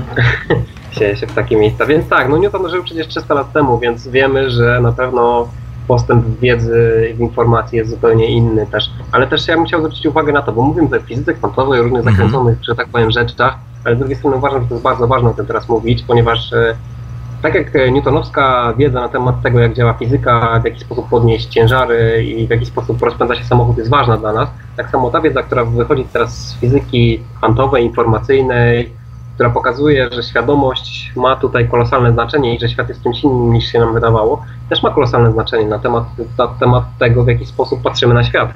I moim zdaniem ludzie powinni zacząć się tym interesować, ponieważ yy, to jest duża tajemnica, to jest coś do odkrycia, coś dużego, E, gdzie można zacząć jakby zacząć szperać i to się tyczy naszego istnienia w ogóle, kim my jesteśmy, czym jest świat i w jaki sposób ja patrzę na świat i w jaki sposób ten świat funkcjonuje ze mną, więc myślę, że po prostu dokonania współczesnej fizyki są, e, taką receptą na to, żebyśmy w zupełnie nowy sposób żyli między sobą, ponieważ odkryjemy zupełnie inne jakieś zależności, które są między nami. Tak jak na przykład to, że świadomość jest pierwotna, że my już nie jesteśmy jakimś przypadkiem, jakimś workiem e, przypadkowym, workiem e, biologicznego życia, tak? To się kiedyś mówiło na jakiejś planecie, która z miliardów planet na jedynej się jakoś życie pojawiło. Przypadkiem nie wiadomo w ogóle jak powstało DNA, ale e, no to, to co, ja, ja, myślę, ja myślę, że to jest syndrom tej historii z wielkim wybuchem, że e, wybuchiem, wybuchem, że, że to wymyśliło po prostu pokolenie, które było zafascynowane prochem, bombami i wysadzaniem wszystkiego w powietrze. Po prostu ci ludzie, jedyny pomysł jaki mieli to to, żeby wysadźmy wszystko w powietrze. Tak to działa. Wielki wybuch a później przypadkowo wszystko się złoży razem. Tak, tak. Także... Tak, no i nawet, nawet słyszałem takie e, na temat tej teorii różnego rodzaju właśnie dodatki, że wielki wybuch mógł powstać wiele razy, ale w końcu powstał taki, który synchronizował ten wszechświat. Tak. Inne nie, nie synchronizowały. No, to jest tylko teoria właśnie. Zacznijmy od tego, że Big Bang to jest teoria z 50 lat, która po prostu nagle się rozpowszechniła, bo nagle tłumaczyła bardzo dużo rzeczy, ale ona też nie tłumaczy bardzo dużej ilości rzeczy. E, trzeba zauważyć, że konwencjonalna akademicka fizyka zamyka się w skończonym świecie, a wiele dowodzi nam na to, że świat tak naprawdę może być nieskończony. To jest tak jak w 1995 roku ustawiono teleskop Hubble'a na ciemny obraz nieba, przez 9 dni fotografowali y, kawałek nieba wielkości szpilki i po złożeniu wszystkich zdjęć, usunięciu wszystkich szumów, okazało się, że tam 3000 galaktyk jest i nagle nasz wszechświat się rozszerzył. I w ten sposób y, cały czas się dowiadujemy, że jest coś tam dalej, że coś tam dalej. Teraz myślimy, że ten wszechświat ma 14,7 miliarda lat, aż w końcu zbudujemy teleskop wielkości Układu Słonecznego i dowiemy się, że nie, że jednak ma 150 miliardów lat. Ale chodzi właśnie o tą koncepcję, że świat jest skończony, że, że wszystko jest skończone. To jest nieprawda, bo jeśli weźmiemy, że na przykład we wzorze jedną, jedną zmienną, która będzie dążyć do mhm. nieskończoności, to znaczy, że wszystko dąży do nieskończoności. I tak matematycznie podchodzą do tego wszystkiego. Więc jeśli w świecie czas dąży do nieskończoności, jeśli spojrzę w przestrzeń i ta przestrzeń jest nieskończona, ponieważ tak naprawdę jak patrzę w górę, w dół, w bok, w każdą stronę, to jestem w przestrzeni, która rozciąga się w nieskończoność. Tylko mój umysł mówi, że gdzieś tam jest koniec. No tylko nasza percepcja widzi, widzi coś, co tak. to nawet nie widzi, tylko nazywa to końcem. To my. A, tak, albo na przykład skala. Jeśli coś możemy pomniejszać w nieskończoność, albo coś powiększać w nieskończoność, to też mamy nieskończone właściwości, więc y, ja uważam, że żyjemy w nieskończoności, że tych nieskończonych opcji jest po prostu tutaj tak dużo we wzorach, że fizyka musi uwzględnić tą, tą nieskończoność. Mówi się, że, mhm. mówi się o tym, że jest zamiatano na pod dywan. I no. w wzorach jest właśnie ten znaczek, ta ósemka przekrzywiona. Dokładnie. Słuchaj, chciałem się zapytać Ciebie, bo tak, fizyka kwantowa ma taki swój troszkę boom, jakby dużo ludzi, no moim zdaniem mocno nadużywa tego terminu. Ale to już inna historia. A chciałem się zapytać o coś, co jest, e, co jakby dla mnie jest takim, wiesz, e, punktem, do którego doszedłem aktualnie, czyli e, zjawiska plazmowe. Właściwie wszystko się skumulowało, przynajmniej u mnie. Chciałem się spytać Ciebie troszkę na ten temat, czy czy śledzisz ten temat? Y, czy masz jakąś refleksję na ten temat? Tak, trochę tak. E, plazma, czwarty stan skupienia.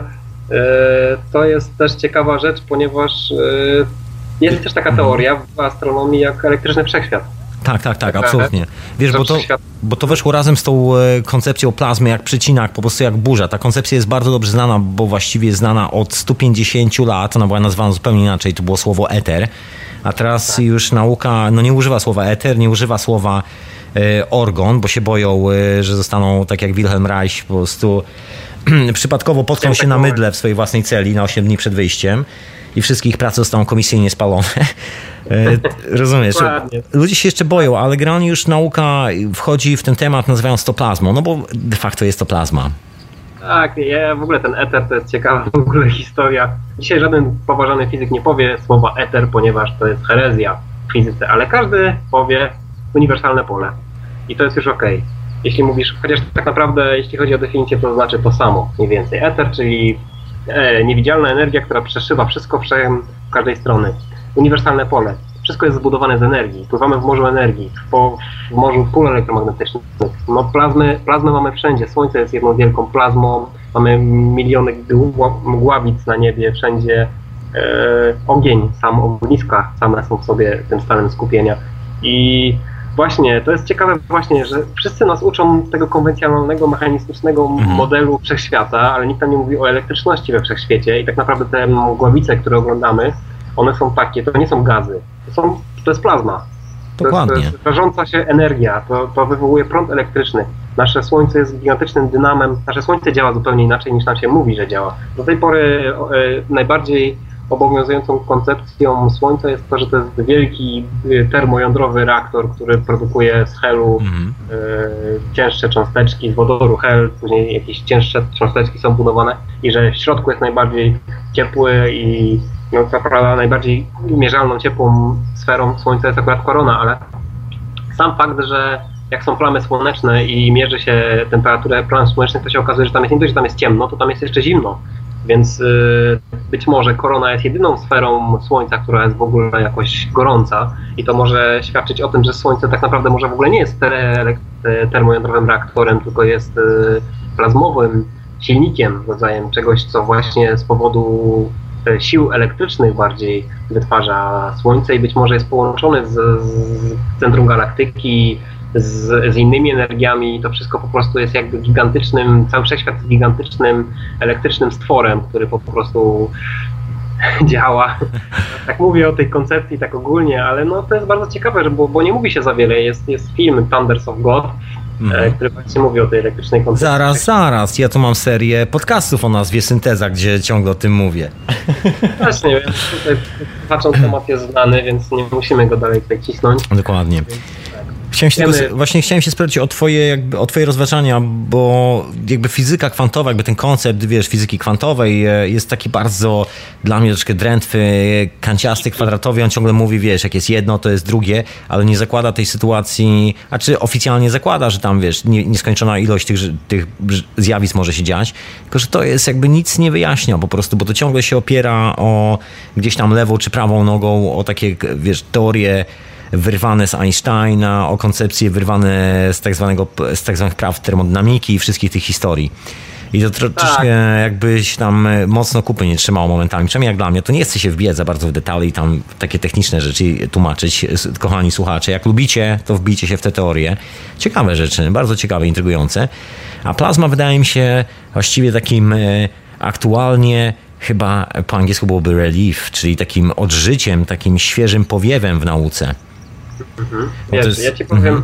ta fizyka kwantowa faktycznie e, dużo ludzi nie ma pojęcia właściwie, co to jest ta fizyka kwantowa. Jest używane to pojęcie w różnych miejscach i nawet w kursach, nawet na warsztatach. I być może to słowo teraz ma więcej znaczeń niż tylko jedno znaczenie, ale ja też chciałem zauważyć, że fizycy kwantowi, po pierwsze, e, jedno z eksperymentów udowadnia, że tak naprawdę kwant nie istnieje tak naprawdę. I fizyka kwantowa, można powiedzieć, udowodniła, że kwant nie istnieje, a druga sprawa to to, że ona też ewoluuje i tak naprawdę już teraz nie zajmujemy się w ogóle fizyką kwantową, tylko fizyką informacyjną na przykład, gdzie naukowcy traktują rzeczy jako informacje, że na przykład atom jest informacją, albo cokolwiek jest informacją. I albo no jest fizyka, która bada świadomość nawet i, i strukturę świadomości. Fizyka kwantowa to jest taka nazwa, która po prostu obejmuje już zlepek dużej ilości rzeczy. Kiedyś tak, była fizyka bazowa, kwantowa, teraz to wygląda troszeczkę inaczej. Więc, y, no ale też, też druga sprawa to jest to, że y, to, co da, co dali ludzie, na przykład jak Niels Bohr, y, co Max Planck, co oni właściwie mówili, co oni poodkrywali, jakie oni mieli podejście do tego świata, to jest następna rzecz, ponieważ ci ludzie mówili rzeczy, o których się nie mówi. Mówi się o ich wzorach, o ich obliczeniach, o odkryciach, ale na przykład Max Planck doszedł do wniosku, że za tym, y, za tym jak poruszają się cząsteczki elementarne, musi istnieć jakaś inteligentna siła, jakiś inteligentny umysł. Tak, Powiedział tak. w swoim przemówieniu. No był jednym z E- tych, który, który stwierdził, że Einstein nie ma racji, dlatego popadł w niełaskę. Tak, wtedy było to. Einstein się trzymał konwencjonalnej fizyki, yy, stąd pojawiła się właśnie jakby opozycja. Einstein, jak to sam powiedział, że nie wierzy, że Bóg gra w kości, więc nie, nie, nie bardzo propagował fizykę kwantową.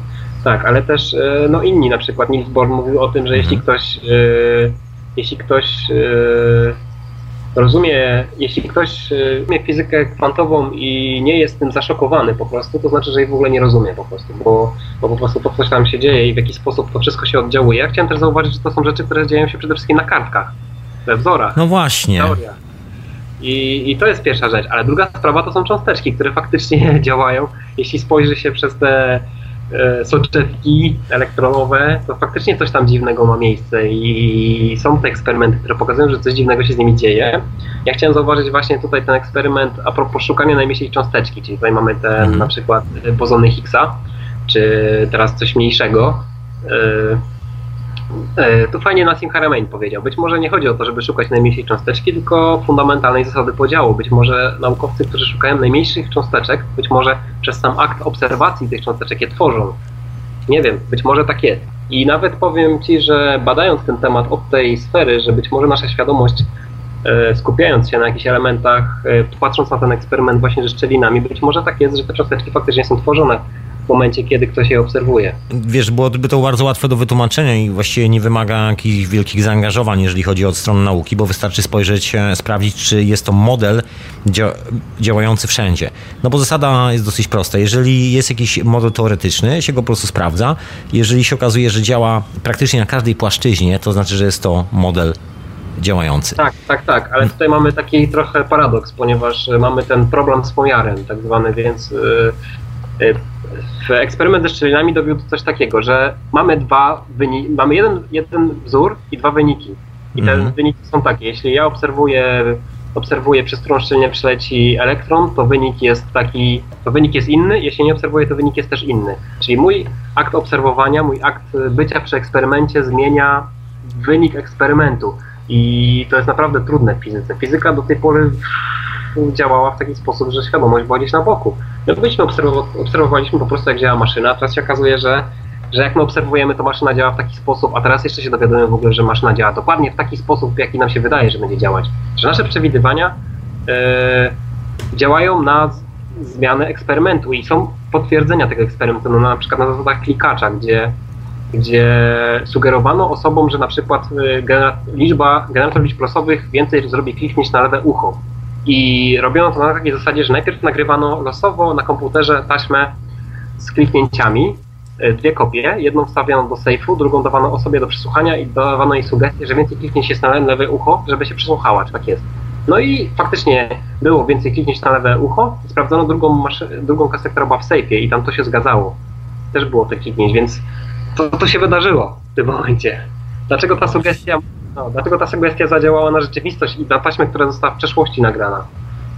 Więc, no, no to jest zagadka. Tak, to jest, to jest niezła zagadka i też do niezłych, niezłych pytań może, można dojść w ten sposób, co tu właściwie się dzieje, czym jest w ogóle przeszłość. Dokładnie, a my tu mamy Pichonta. Witam Ci Pichoncie serdecznie, jak zdrówko szanownemu Panu. Halo, halo, czy jesteś z nami?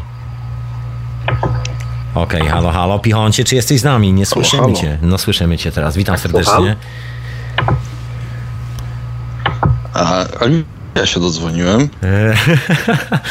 Tam, gdzie się dodzwonić do radia na fali, młody człowieku. Halo, halo. Halo, halo, słychać się, słychać się. Idealnie Czy mnie słychać? Słychać. No i to jest, to jest zawsze taka techniczna zabawa. Świat kwantowym powiedział. Słychać idealnie. Halo, halo. No to pytanie, gdzie mnie słychać i dlaczego ja nikogo nie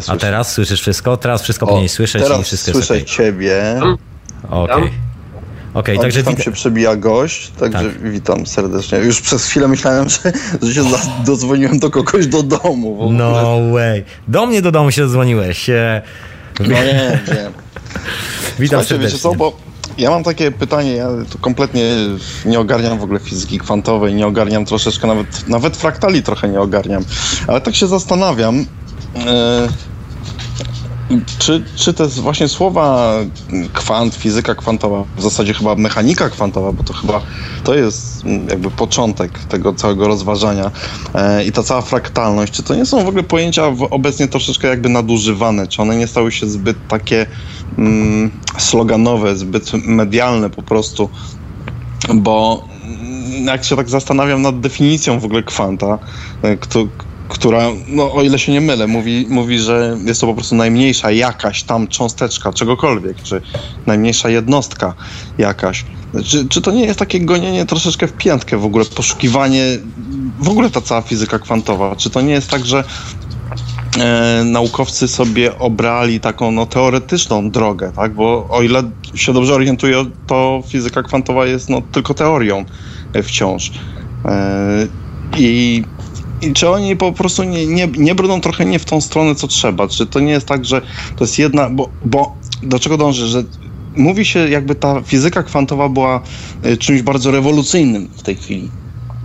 A, a być może ona wskazuje nam tylko jeden z takich punktów widzenia w ogóle świata fizycznego. i niekoniecznie wyjaśniającym wszystko, bo ja byłbym jednak daleki od tego, żeby, żeby łączyć to jakby z fraktalnością i, i, i twierdzić, że jeżeli coś działa w mikro, w skali mikro, to również sprawdzi się w skali makro. E, bo być może, no to jedno z takich założeń fizyki też było kiedyś, że o ile oczywiście znowu się czegoś nie pokręciłem, y, że, że są jakby trzy takie y, płaszczyzny, jakby na których może, można rozpatrywać prawa fizyki. Właśnie takie mikro, y, powiedziałbym średnie i, i, i w skali makro. I że one niekoniecznie muszą być spójne. I w zasadzie nie wiem, gdzie ja tu zadałem pytanie i czy zrozumieliście, o co mi chodzi. Ja, ja mogę odpowiedzieć, wiesz? Śmiało. O, proszę jest... bardzo. Jesteś gościem, ty odpowiadasz. Tak, jest tego sporo, ale... To się ale, męczy. Dobra, myślę, że to złożyłem konstrukt tego, co powiedziałeś. Wiesz, e, faktycznie, no to słowo fizyka kwantowa w ogóle często nie, określa, nie określałem do tego, czym ona była właściwie w latach 20 30 bo teraz jest zupełnie inna fizyka mi się wydaje, że po prostu wszystko, co jest y, związane z cząsteczkami elementarnymi i nie do końca zrozumiałymi rzeczami jest określane fizyką kwantową w tej chwili i nie jak to się ma w ogóle do tego, czym to właściwie było kiedyś, bo faktycznie ja właśnie mówiłem o tym, że fizyka kwantowa udowodniła, że kwant nie istnieje, ponieważ teraz się dowiaduję, że najmniejsze cząsteczki elementarne można cały czas mie mielić na coraz mniejsze cząsteczki, mają, budują coraz większe akceleratory i znajdują coraz mniejsze cząsteczki. Okazuje się, że dążenie do tych miejsc e, po przecinku, które mają być ostateczne, być może w ogóle nie ma miejsca i chodzi o to, że tak naprawdę to, co się teraz nabudowało na tej fizyce, którzy byli kiedyś, jest zupełnie... O, coś nam... Teraz chciałbym się zapytać jeszcze, czy będzie mnie teraz słychać, ponieważ okay. mój internet się rozłączył, ale e... słychać mnie, tak? Tak, słychać. Na chwilę e, zniknąłeś, ale, ale już się słychać z powrotem. No to bardzo się cieszę, więc... E, o, o, Och, rozłączyło znowu. Ta-da-di-tam, a wysłuchacie Radia na Fali, audycji Hiperprzestrzenia, na imię Tomek. Audycja jest retransmitowana w Radiu Paranormalium, a dzisiejszym gościem jest organizator konwentu e, wiedzy alternatywnej, który się odbędzie już za parę chwil. Jeżeli nie wiecie kiedy, co i jak, to zapraszam, żebyście wpadli na stronę Radio na Fali, radionafali.com. Tam jest y, na dole taki zestaw banerów, fraktalna.pl. Na tej stronie wszystkie informacje. Ja zresztą będę mówił, bo radio jest patronem medialnym tej imprezy, także będziemy tutaj trąbić i krzyczeć na ten temat. Ja tu już się zwaniam z naszym gościem, bo mamy pytanie na temat właśnie tej fraktalności nauki. Jak to wygląda? Jak nauka z tym wszystkim? Halo, halo? Już, już jesteśmy z powrotem, Tam. także z powrotem. To ja poproszę odpowiedź na pytanie Pichonta na temat tej szalonej nauki i tych wszystkich fraktalnych. Dobrze, więc, więc w skrócie że tak powiem, chodzi o to, że fizyka kwantowa, która jest uważana za dzisiejszą fizykę kwantową, nie jest tą samą nauką, którą była kiedyś. Po prostu. Nie uczymy się już o kwantach, o mechanice kwantowej, tylko teraz e, bardziej interesuje nas e, Y, że tak powiem, uniwersalne pole na przykład, plazma, świadomość, jaki, jaki ma z tym związek, więc różni są fizycy, jest, że tak powiem, stado fizyków, które po prostu pochodzi od, odchodzi od konwencjonalnego paradygmatu i postrzega raczej rzeczywistość w ten sposób, że świadomość jest pierwotna, a reszta jest wtórna. Mhm. I że żyjemy w nieskończoności. Słuchaj, e, właśnie a propos. Jedna rzecz, mam dla Ciebie jedno pytanie już na koniec, żeby Cię nie przytrzymywać, ale jeszcze, po, jeżeli ktoś chce zadzwonić, to taka rundka z telefonami, poproszę, z pytaniami do Ciebie. Jeżeli ktoś ma pytanie, słuchajcie, to dzwoncie radionafali.com, taki jest adres na Skype'ie. A ja mam to ostatnie pytanie od siebie do Ciebie. Dobrze. Słuchaj, e, znaczy mam więcej, ale wiesz, nie chcę tak trzymać, bo strasznie w nieskończoność. E, słuchaj, pytanie brzmi tak. tak zwyczajnie, czy potrzebna jest rewolucja w nauce, ale taka potrzebna, taka rewolucja, która wstrząśnie wszystkim? Czy wydaje ci się, że ta nauka, która jest zbudowana na tych oficjalnych podstawach, e, trzech praw termodynamiki i tak dalej, i tak dalej, czy ona jest w stanie przetrwać zderzenie z, z, rzeczywistością, która się wyłania już tam na horyzoncie, nawet w nauce, w tej fizyce plazmowej i tak dalej? Bo to właściwie są tylko i wyłącznie zaprzeczenia wszystkich tych, wiesz, wzorów opartych na zmiennych. Się okazuje, że nic nie jest na zmiennych, że po prostu jest. I czy, wiesz, to, mówi, czy trzeba będzie tak... spalić książki, czy, czy, może nie tyle spalić, czy oddajemy książki do muzeum jako pomnik naszej głupoty, czy też... No na pewno część oddamy. Tak, e, myślę, że wiele rzeczy nie przetrwa e, rewolucji, jaka, jaka nastąpi w przyszłości, nie tylko na polu nauki, ale także w ogóle sposobu ubycia naszego. A jeśli rewolucja nie nastąpi, to to nie będzie za miło, że tak powiem, z nami. E, więc e, jeśli chodzi o świat nauki, mówi się o tym, że rewolucja w świecie nauki nie pojawia się dlatego, że wchodzą tam nowe umysły z nową wiedzą, tylko dlatego, że starzy umierają. I to, co, to, co prawdziwą rewolucję zrobi w świecie nauki, to nie koncepcje i teorie, tylko ekonomia, finanse, pieniądze, ponieważ e, nauka jest promowana. I na przykład e, akademicka nauka, to, tak mówię akademicka nauka, czyli powiedzmy mainstreamowa nauka, czyli tak główny nurt, e, działa na zasadach promotora, promowania. Jeśli ty masz koncepcje zgodne z, z osobą, która była wcześniej starszą, promowaną, przeważnie jakiś starszy promotor promuje młodych fizyków, to jeśli jakiś fizyk wyskoczy, tak jak na przykład pokazał na przykładzie Nassim Haramein, który wyskoczył e, z zaprzeczeniem e, Big Bangu e, teorii, to niekoniecznie będzie miał finanse na to, żeby w ogóle swoją twórczość jakoś rozwijać i być promowany w różnych środowiskach alternatywnych, więc tam pieniądze mają duże znaczenie i tak naprawdę to, co tutaj e, tłamsi wiele aspektów naszego życia, to właśnie kwestie ekonomiczne, a nie żadne teorie tak naprawdę. I ponieważ fizyków jest cała masa, tylko że wybierane są akurat te złe rozwiązania, ponieważ e, cały czas pieniądz króluje i pieniądz decyduje tutaj bardziej niż jakikolwiek zdrowy rozsądek we wszystkim. W szkolnictwie, w zdrowiu, w mediach, w polityce, także w nauce. Także tam się dostał. Hmm, to ja może takie jeszcze, jeszcze przez chwilę cię przytrzymam. Sobie chciałem się zapytać ciebie, co myślisz na temat, e, no bo jest to związane mocno z tym właśnie, co przed chwilą powiedziałeś, czyli, czyli z kasą w nauce.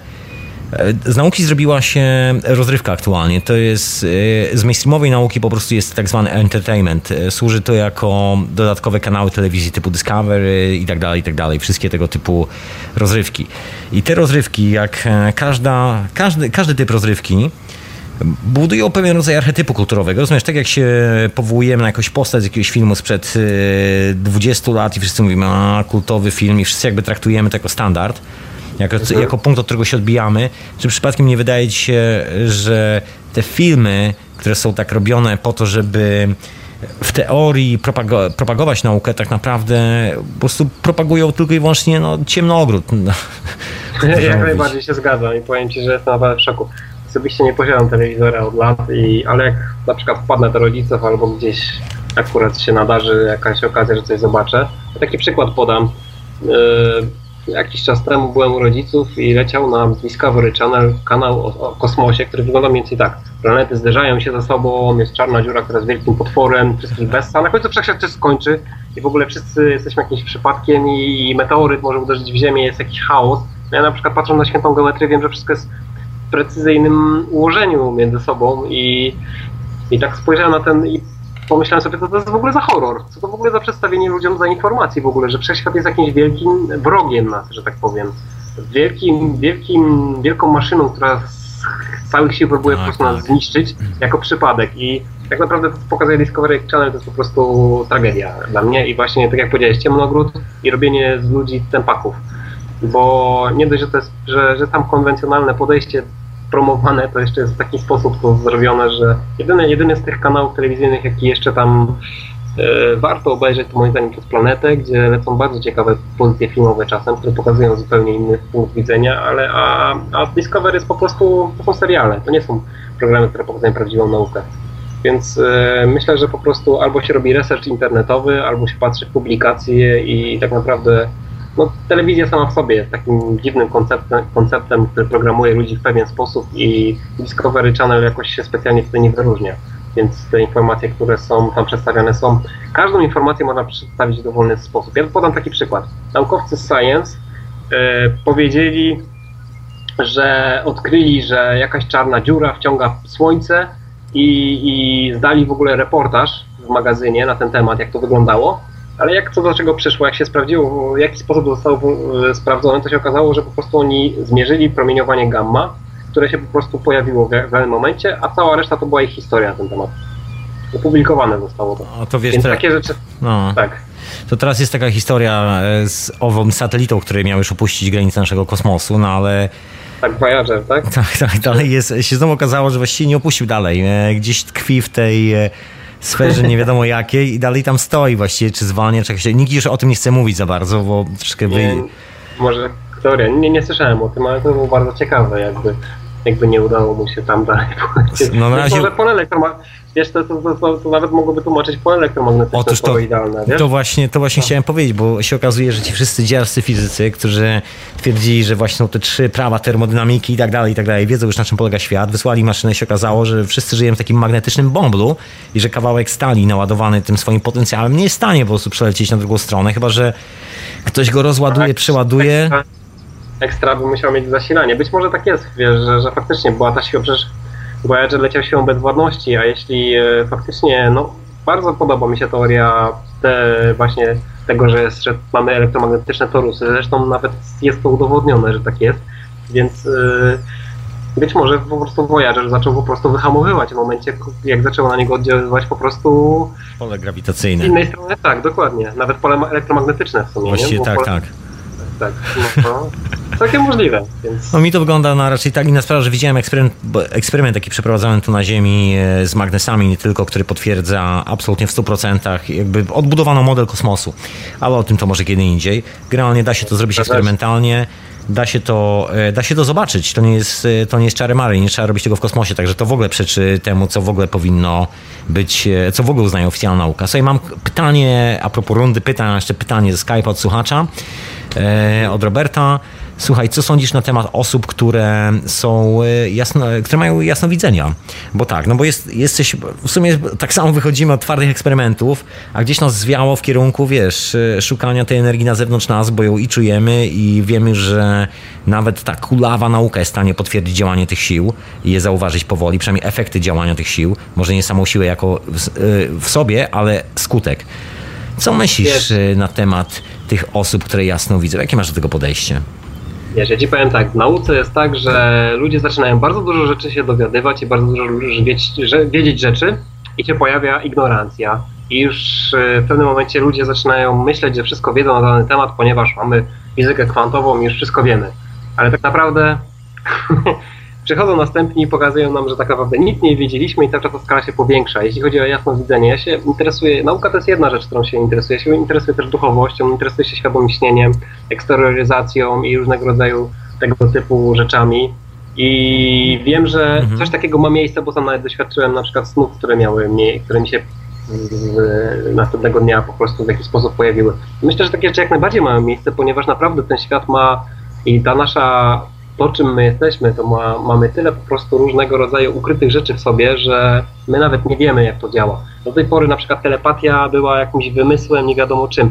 Eksperyment głos, głosłami tego fizyka e, dowiódł, e, że coś takiego jak tele, telepatia w ogóle ma miejsce, tylko że nie jest to na świadomym poziomie jakby odbierane. To był taki eksperyment, że jedna osoba wpatrywała się w obraz, a druga miała przeczytać, co, co jest na tym obrazie i były podłączone do, elektrody na głowie do encefalografu i nic się oczywiście nie działo. Te osoby wcześniej miały intencję, żeby widzieć te rzeczy ze sobą i robiono błyski fleszem, znaczy tak jakby lampą błyskową. Były robione tej osobie, która widzi obraz i te błyski pojawiały się na wykresie encefalografu i się pojawiały też na wykresie osoby drugiej encefalografu, więc się okazywało, że coś takiego jak telepatia ma miejsce, ale jednocześnie fizycznie nic, świadomie nic nie, nie odczytywały te osoby.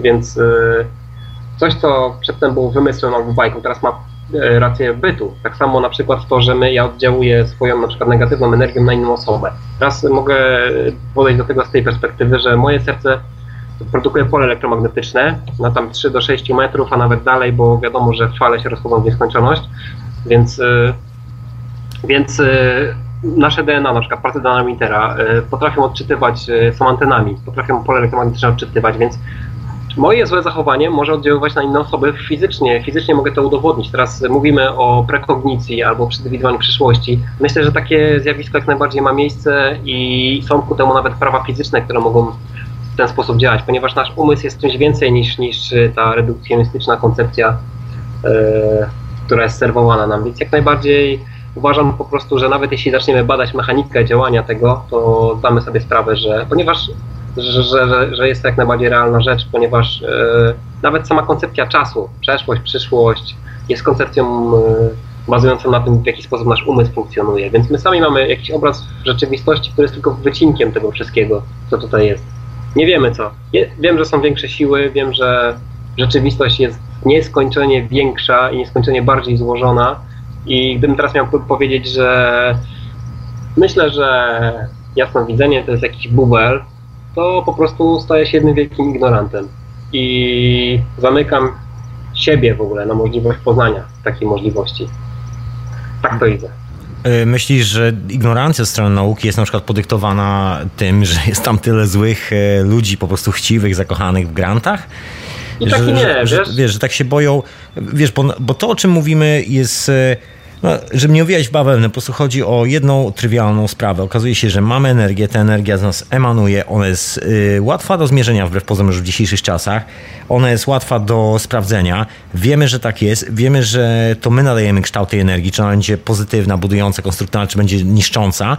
No i nagle się okazuje, że mamy ten e, potężny dział mainstreamowej nauki, która kompletnie to ignoruje, właśnie takiej redukcjonistycznej, która po prostu mówi, nie, nie, to maszyna, musisz wziąć młotek i gwoździa wbić i tylko w ten sposób. To nawet nie myśl o tym, to w ogóle jest... e, Rozumiesz, to wygląda troszkę jakbyśmy mieli do czynienia po prostu z bandą psychopatów, e, mówiąc tak e, bez ogródek, która po No prostu wiesz, no się zachowuje jak, no, jak, jak takie, wiesz, no, stara się utrzymać po prostu swoje, swoją pozycję. ignorancja jest wszędzie. Ignorancja nie jest tylko w świecie nauki, ale jest powszechna na ulicy i nie mówię, że wszyscy ludzie są ignorantami jednocześnie, ale każdy jest w jakiejś dziedzinie ignorantem. Może to być malutka dziedzina związana z czymś, ale jest po prostu jakiś to element naszej psychiki, jakiegoś naszego y, socjo y, programowania społecznego i po prostu pewne osoby nie robią tego dla kasy, są ignorantami Mhm. po prostu, bo wierzą w to, że tak to jest i nie mogą przyjąć innej perspektywy, bo nawet się boją, że ich konstrukcja się może zawalić, że to, co wierzyli do tej pory okaże się nieprawdą. I jest to jak najbardziej racjonalne, ponieważ my budujemy cały światopogląd po to, żeby też się czuć bezpiecznie. Po to fizycy poznają cały świat, żeby go okiełznać w jakiś sposób, żeby nie był na, dla nas obcym, nieznanym terenem. I nagle się okaże, że wszystko, co do tej pory się dowiedzieliśmy, jest nieprawdą, ponieważ jest zupełnie inaczej. To jest dość drastyczne, ponieważ to jest yy, nawet ewolucyjnie, bym powiedział, jakoś instynktownie niebezpieczne poznawanie czegoś z innej strony, więc wydaje mi się, że ludzie po prostu trzymają się ze strachu pewnych koncepcji. I to strach napędza tak naprawdę e, ignorancję. Czyli motywem współczesnej mainstreamowej nauki jest po prostu strach, a nie Bardzo chęć możliwe. poznania. Mamy tu Pichonta Bardzo ponownie. Witam jeszcze raz. Em, Dzięki za odpowiedź na tamto pytanie. Em, Ja myślę, że wiecie co, że jeżeli chodzi o ignorancję, to oczywiście ona jest zawsze szkodliwa, bo, em, bo po prostu blokuje myślenie dalej, tak? Nie, nie, szukamy żadnych ścieżek nowych. Natomiast największym chyba problemem e, jest to, kiedy popadamy w skrajności. Ja myślę w ogóle, że koncepcja fizyki kwantowej z czasem upadnie. Tak sobie myślę, dlatego że jest to jedna z kolejnych koncepcji, które się pojawiają w nauce, a doświadczenie pokazuje, że od tysiącleci no, ciągle coś się zmienia, tak? Ciągle odkrywamy coś nowego, stare rzeczy odpadają. E, okazuje się, że konkretne prawa fizyki sprawdzają się w jakichś tylko właśnie skalach, czy mikro, czy makro, ale w jakichś konkretnych tylko przedziałach. Dalej nie działają. E, I przykład jasnowidzenia jest fa- fajny, fajnym przykładem właśnie do rozważań odnośnie ignorancji, bo mamy z jednej strony ignorancję, a z drugiej strony mamy ludzi, którzy święcie wierzą, są przekonani, że istnieje em, telepatia. Tylko pytanie, czy, czy prawda nie leży kompletnie po środku, bo em, zjawisko, które jest, e, które nazywamy telepatią czy jasnowidzeniem, e, to są zjawiska takie znowu w jakiś sposób sklasyfikowane, e, że próbujemy to w jakieś ramki wcisnąć, tak, że to będzie telepatia. A to może być jeszcze przecież zupełnie inaczej. E, to może być coś pomiędzy zupełnie światem duchowym, a światem czysto fizycznym. E, no, przykład, który mi przychodzi do głowy, to są chociażby te tak zwane neurony, neurony lustrzane, które pozwalają człowiekowi przechwytywać emocje innych ludzi, bo tutaj e, gość wspomniał o, o emocjach właśnie, które ludzie jakby sobie przekazują. E, Tylko, że to nie musi działać ani na zasadzie e, czysto duchowych jakichś zjawisk, ani, ani też na, na zasadzie jakiejś skomplikowanej bardzo fizyki kwantowej, bo neurony lustrzane działają mniej więcej w taki sposób, tak jak, o, dobrym przykładem jest śmiech. Śmiech jest zaraźliwy, dlatego ludzie, którzy mm, uśmiechają się do lustra sztucznie, y, sami odczuwają poprawę nastroju, ponieważ właśnie działają neurony lustrzane, które y, reagują na widok uśmiechu. Czyli jeżeli ja się uśmiechnę sztucznie nawet do siebie w lustrze, to moje neurony zobaczą to, zareagują właśnie w taki sposób, że same będą próbowały to naśladować, jak lusterko działają. I tworzy się takie mm, jakby magiczne odbicie które krąży pomiędzy tymi lustrami. Dlatego się mówi, że, że, że właśnie takie uśmiechanie się pomaga poprawić sobie nastrój. I tak samo może być z telepatią, z, z jasnowidzeniem, które mogą się okazać zjawiskami mm, no, fizycznymi, tylko nie aż tak skomplikowanymi e, i w ogóle nie mistycznymi. Ja myślę, o, że w ogóle taka. Nie jest mistyczne, bo przecież są badania profesora Ruperta Sheldrake'a od lat, końca lat 70. Są już aktualnie chyba 30 lat badań nad, nad e, konceptem, który się nazywa pole morfogenetyczne. Jedyne co jest e, wynikiem tych badań jest potwierdzenie wszystkich możliwych założonych tez. E, tylko, że oczywiście, jeżeli musimy zamienić po prostu nazwę pole morfogenetyczne na telepatię, bo jest to dokładnie tym samym. Jest to przekazywanie informacji bez żadnego widocznego znaku. Po prostu leci gdzieś w polu. A, a może te znaki są, wiesz, ale ja jakby dążę do tego, że może te znaki są widoczne, tylko my nauczyliśmy się ich jakby, wiesz, dostrzegać. Nie potrafimy jeszcze zauważyć tych znaków, tak jak właśnie mik mikroekspresji na twarzy. Nie zauważasz świadomie. No chyba, że jesteś bardzo wytrenowany w tym, ale no, normalnie tego nie zauważasz, a odbierasz emocje człowieka, wyczuwasz na przykład, że on kłamie, że, że coś z, z nim jest nie tak. I, i, I w sumie można by było to zrzucić, wiesz, na, na karp, y, no to może trochę niezręcznie zabrzmiało, no ale zrzucić to na, na, na właśnie telepatię jakąś, powiedzieć o rany, ja wiedziałem przecież, że to była intuicja na przykład. Tak samo jak intuicja też często przez ludzi jest określana jako zjawisko jakieś takie no niemalże nadprzyrodzone, a naprawdę naprawdę nauka potrafi w pewien sposób wyjaśniać intuicję, tylko nie potrafi tego jeszcze też znowu posegregować tak ładnie, powiedzieć dlaczego to działa i jak. Są tak, ja myślę, że, że to się będzie zmieniało przez kolejne stulecia i ciągle będziemy brnęli i brnęli i brnęli, a jakaś taka uniwersalna prawda, ja myślę, że w ogóle nie dotyka jakby fizyki. Takie mam wrażenie. To jest gdzieś tak, wiecie co, bo, bo ja też tak uważam, że wiecie, my no, lecimy tutaj z tym światem powiedzmy logicznym cały czas, e, w tej całej koncepcji logicznej siedzimy. Ja zauważyłem, że świat nie, nie jest logiczny w ogóle, że logiczna jest tylko część świata. Tak, tak dokładnie. I tylko chyba ta, którą chcemy, żeby była logiczna, także naszą siłą stwarzamy tą logikę. Tak, stwarzamy, tworzymy logiczny świat, który jest poukładany naszym umysłem logicznym, ale mamy też ten umysł abstrakcyjny. Kiedy wyjdziemy z tej logiki, to się okazuje, że ten świat jest zupełnie inny i on jest całością, on jest niepodzielny, nie? W świecie abstrakcji No bo to jakby w ogóle nasza, no, no właśnie, bo w ogóle przecież nauka od, od dawna mówi e, o tym, że no, nasze mózgi działają w taki sposób, że próbują sobie wszystko zawsze wytłumaczyć, dopasować. Nie? Tak samo e, to, że się dopatruje, nie wiem, twarzy Bozi w oknie, no to jest właśnie to zjawisko. Ludzie zawsze sobie gdzieś coś tam będą dopasowywali i tworzyli. I być może tak samo jest z nauką. My tworzymy, dopasowywujemy i dobra. I na razie te klocki nam pasują póki nie znajdziemy jakiegoś innego klocka. E, I, I, ci, którzy nie chcą szukać dalej, dopasowy, nie mają otwartych umysłów, no to są ignorantami. A z kolei no, najgorsze jest to, że właśnie e, częstość ludzie zainteresowani jakimś tematem dzielą się na, na dwie grupy. Na tych e, takich no, zafascynowanych mm, niezwykłością zjawiska i brnących właśnie w duchowość, w rzeczy mistyczne a, a druga strona to, to są sceptycy. Właśnie brakuje moim zdaniem trochę tych naukowców, chociaż ja te, też takiego rozeznania dobrego znowu nie mam, ale mam wrażenie, że brakuje ludzi troszeczkę, którzy właśnie tak po środku lawirują, cały czas szukają i biorą poprawkę na to, że wszyscy w zasadzie się mogą mylić cały czas.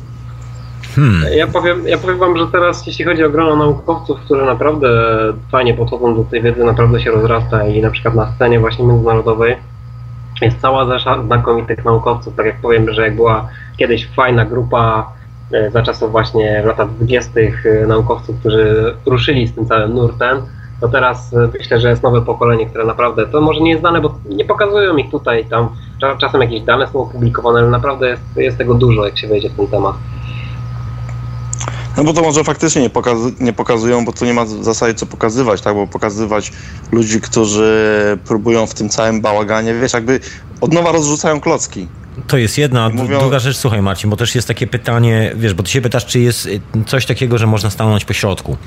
Wiesz, pomiędzy jednym a drugim. A może się okazać, że cała ta rewolucja. Nie ma w ogóle środka, wiesz. Dokładnie, że, że w, e, w naturze po prostu nie ma pojęcia stałego balansu. Znaczy my używamy pojęcia balans, ale ono jest właściwie wykute w naszej logicznej jakby strukturze.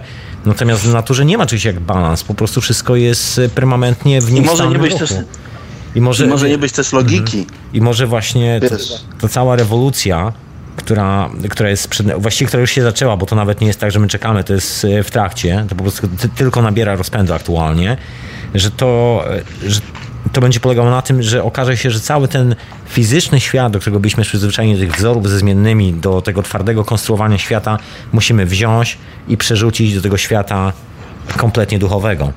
I to może być Tak. ta największa rewolucja, że wszystkie odpowiedzi Może są być tam. tak. Bo Nie. Bardzo możliwe, że zgubna jest w tym wszystkim właśnie logika. Bo, bo cała nauka się opiera tak, jak- jak na, na tym, Jak- żeby to jak było jednak najbardziej. logiczne. Jak najbardziej. Może to wcale. myślenie. A, a logika jest być może właśnie największą przypadłością człowieka, która powoduje, że nie możemy w zasadzie znaleźć rozwiązania, którego szukamy. Ja myślę, że teraz jesteśmy na dobrym tropie tutaj, bo, bo faktycznie no, to jest właśnie Zen na przykład, który pokazuje, jeśli chcesz się na przykład przekonać, czym jest rzeczywistość, po prostu zacznij medytować, zobacz, zatrzymaj umysł, postaraj się zatrzymać umysł i zobaczyć, co jest, co jest y, twoim wpływem, a co jest, ze, że tak powiem, światem zewnętrznym i y, logika jest tak naprawdę narzędziem, jest narzędziem poznawczym przestrzeni po prostu, rodzajem katalogowania informacji. My żyjemy w świecie, który jest nieskończenie niepodzielny. My żyjemy w jed- jedności.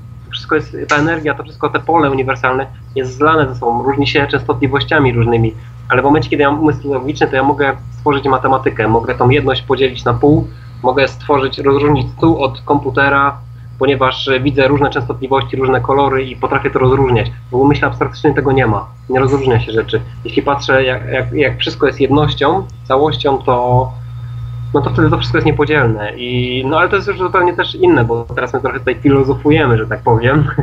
No. I, Ale to chyba, ale to chyba o to chodzi Dokładnie. właśnie, że wiesz, pofilozofowali, bo, bo tak jak wspomniałeś o medytacji, no akurat czasami medytuję, to mam to wrażenie bardzo wyraźne właśnie w momencie, kiedy przestajesz w zasadzie no, przestajesz myśleć, przestajesz, e, no, zajmujesz się tylko istnieniem własnym w zasadzie, to wte, wtedy w jakiś sposób dociera do ciebie to, że mm, ta cała logika właśnie i ta cała nauka mm, w zasadzie tak naprawdę cię nie dotyczy. To, to, Tak. to, się, to, to, to się staje wtedy czymś w zasadzie bez znaczenia dla twojego istnienia. I tak i nie, no naprawdę tak jest, bo nasz umysł logiczny próbuje, nasze ego tak naprawdę. Nasze ego to jest nasz umysł logiczny, który próbuje się dowiedzieć i zrozumieć o co tutaj chodzi, zagwarantować sobie bezpieczną przestrzeń, którą w jakiś sposób będzie rozumieć i, i po to powstała nauka i po to w ogóle wszystkie poszukiwania powstały, żebyśmy nie bali się przestrzeni, w której jesteśmy, żebyśmy mogli żyć bezpiecznie i najlepiej jeszcze odcięci od natury. No, wygląda na to, że ta chyba rewolucja będzie y, zmianą, zmianą naszej definicji przestrzeni, która nas otacza. Może, na pewno będzie powrotem W ogóle- do natury. jeśli- A jeszcze mi przyszła do głowy taka mała dygresja, że właśnie a propos medytacji, że w ogóle najzabawniejsze w medytowaniu jest to, że po zakończeniu medytowania próbujemy logicznie rozmyślać temat medytacji. Co to w zasadzie było i jak to działało. I to, I to jest znowu powrót znowu do tej twardej rzeczywistości, której nie możemy przeliczyć. Dokładnie. Człowiek po to medytuje, żeby Holender potem się zastanawiał, co to było w zasadzie. Wiecie, to, a, a podczas kiedy właśnie tam się było, tam gdzie się powinno być. Być może.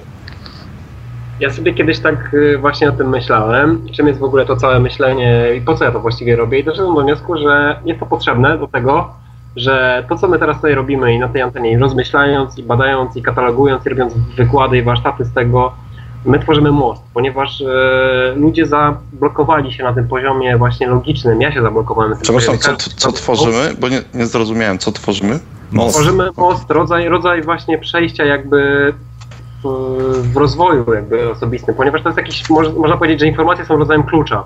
Jeśli ja na przykład powiem, e, jak działają pewne rzeczy pewnym osobom, to one są w stanie zrozumieć, e, w jaki sposób e, na przykład duchowość jest tym samym, co świat fizyczny na innych przestrzeniach i w jaki sposób teraz na przykład zajmujemy się myśleniem i niemyśleniem. W jaki sposób ja mogę doświadczać pełni istnienia i chwili obecnej po prostu wiedząc, w jaki sposób mój umysł działa, więc wydaje mi się, że umysł logiczny może być świetnym narzędziem do nauki obsługiwania go przede wszystkim i nauki wyjścia poza niego.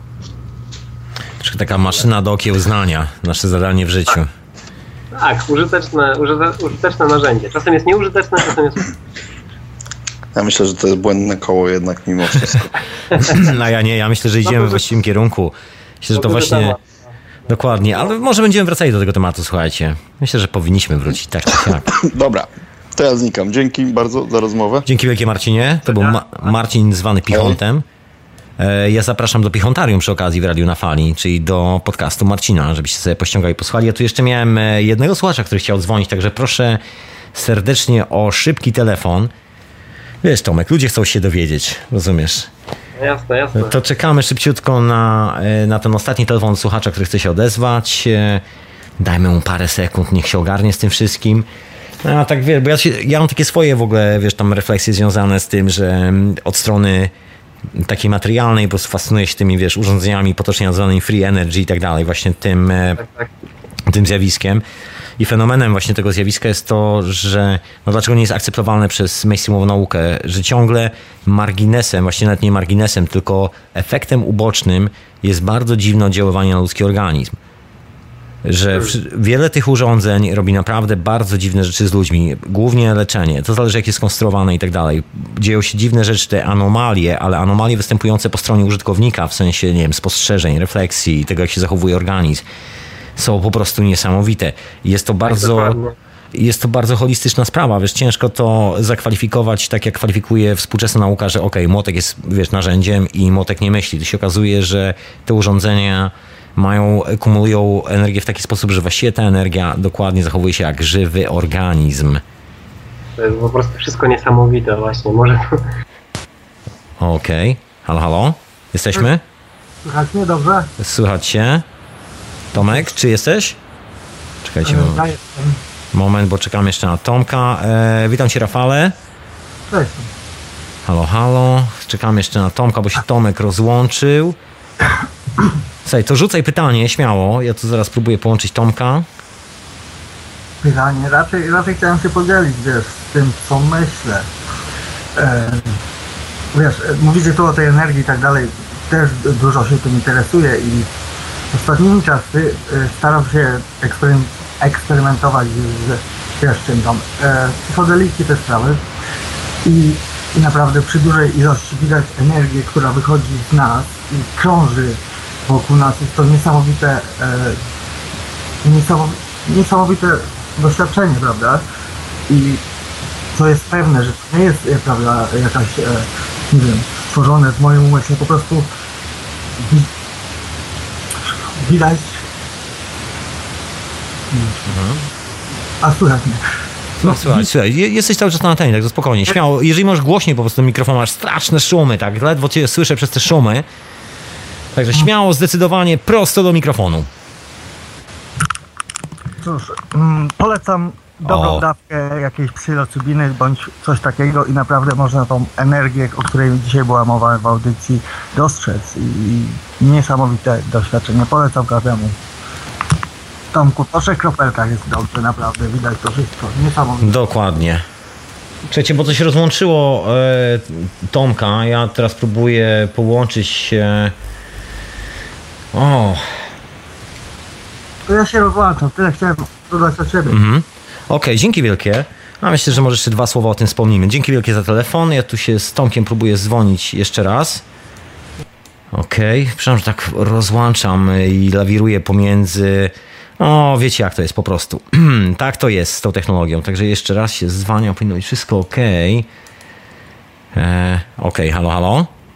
No, no jesteś z powrotem, sorry, bo czasami się dzieją takie rzeczy, że jak się, słuchasz, dzwania, to się wszystko rozłącza. No, XXI No tak. wiek. E, Słuchaj, właśnie słuchacz powiedział bardzo ciekawą rzecz, nie wiem czy słyszałeś, wspomniał, że właściwie tą energię i tę formę energii można zauważyć, e, wystarczy skorzystać z substancji psychoaktywnych.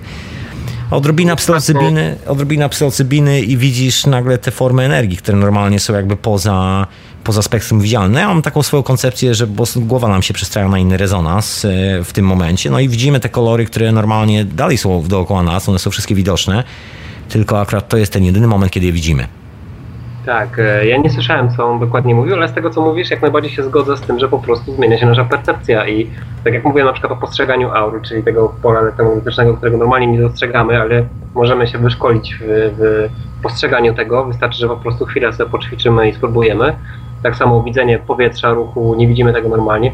Jest cała masa energii, których po prostu nie dostrzegamy i których nawet, y, nawet trudno jest nawet się wyszkolić w dostrzeganiu, ale substancje psychoaktywne powodują, że nasza percepcja potrafi się na tyle zmienić, że potrafimy dostrzec to, co jest niewidzialne. Czyli nagle się dowiadujemy, że na naszym świecie jest cała ilość niewidzialnego świata dla nas i on tutaj jest. Nawet chyba Timothy Leary pierwszy raz powiedział, że, e, że y, dla niego substancje psychoaktywne były jak mikroskop dla psychologa, czyli nagle się dowiedział, że istnieje cały niewidzialny świat, a może to e, Albert Hoffman mówił, już nie pamiętam. E, to Timothy Leary, to porównanie do mikroskopu, robił jeszcze takie zdjęcie z Timothy Leary, kiedy trzyma tak oczy jak okulary przy głowie, to jest właśnie z tego spotkania.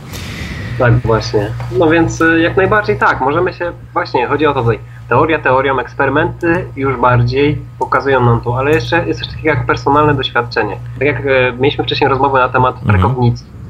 E, Prekognicja może być dla kogoś teorią, możemy rozważać, że jest lub nie jest, ale pytanie najważniejsze jest to, kiedy ktoś czegoś takiego doświadcza, co wtedy? Do, doświad- moje doświadczenie jest największym, e, największą informacją dla mnie i to nie jest takie coś, że doświadczyłem być może, że, że coś było, tylko że ja, ja do, dosłownie wiem, że, że doświadczyłem czegoś, co nie jest w żaden sposób wytłumaczalne. I jest cała masa ludzi, którzy doświadczyli różnych niewytłumaczalnych rzeczy i e, naprawdę jest cała masa przypadków po prostu, które nawet ciężko jak, w jakikolwiek sposób wytłumaczyć, więc e, Wiesz tak. co, ironią, ironią współczesnej nauki jest to, że praktycznie wszelkie odkrycia, na których ta nawet konserwatywna nauka się zasadza, osadza i próbuje się przykuć niczym e, statek kotwicą do portu, no to jest oparta dokładnie na tym, że ktoś miał kiedyś wizję, miał po prostu widzenie, miał takie właśnie zjawisko, no można po, porównać do doświadczenia psychoaktywnego, tak, też- też- psychodelicznego i wiesz, nagle się okazuje, że właściwie na- nauka próbuje, właściwie sama, ten mainstream sam neguje siebie, jakby już sytuacja, gdzie wąż zjada swój własny ogon. Widzisz, my tutaj poruszamy naprawdę dużo różnych kwestii i widzimy różne drzwi, które mogłyby się pojawić i mogłyby ulepszyć ten, ten świat, a jednocześnie to się nie dzieje, ponieważ jest cała masa energii skondensowanej u pewnych osób, które nie pozwalają, żeby w pewien sposób to wszystko funkcjonowało. Ale z drugiej strony, ja tutaj e, jestem zwolennikiem poglądów Terensa McCaina, który powiedział, że psychodeliki e, po prostu nau nauczyć ludzi obsługiwać psychodeliki i udostępnić je im jest to najszybszy sposób na rewolucję świadomości, jaka kiedykolwiek mogłaby nastąpić, ponieważ nic nie działa szybciej. Przeczytanie miliona książek nie zadziała tak szybko jak personalne doświadczenie. E, Jeśli chcemy otworzyć ludzi na świat duchowy w ogóle i to nie przez celników, czyli przez religię różnego rodzaju, tak jak właśnie mój znajomy mówi, że e, księża, buddyści, cokolwiek są po prostu celnikami świata duchowymi, którzy mówią co można, a co nie można ale tak naprawdę nikt y, z wielu kultur religijnych nigdy nie doświadczył prawdziwej duchowości osobiście, dopiero czekają na śmierć. A nasz umysł do tego działa w ten sposób, że wypiera y, wszelkie doświadczenia, że tak powiem, niekonwencjonalne. Nasze ego ma taki mechanizm, który y, będzie racjonalizował rzeczy, ponieważ to jest bezpieczne, ponieważ zadaniem naszego ego jest przetrwać w tej rzeczywistości i trzymać się tylko tej rzeczywistości. Dlatego też nie pamiętamy snów na przykład. Dlatego nie, nie, nie, Dlatego doświadczenia z DMT po godzinie stają się mało pamiętliwe, ponieważ to są inne rzeczywistości i nasze ego będzie nas chronić przed tym.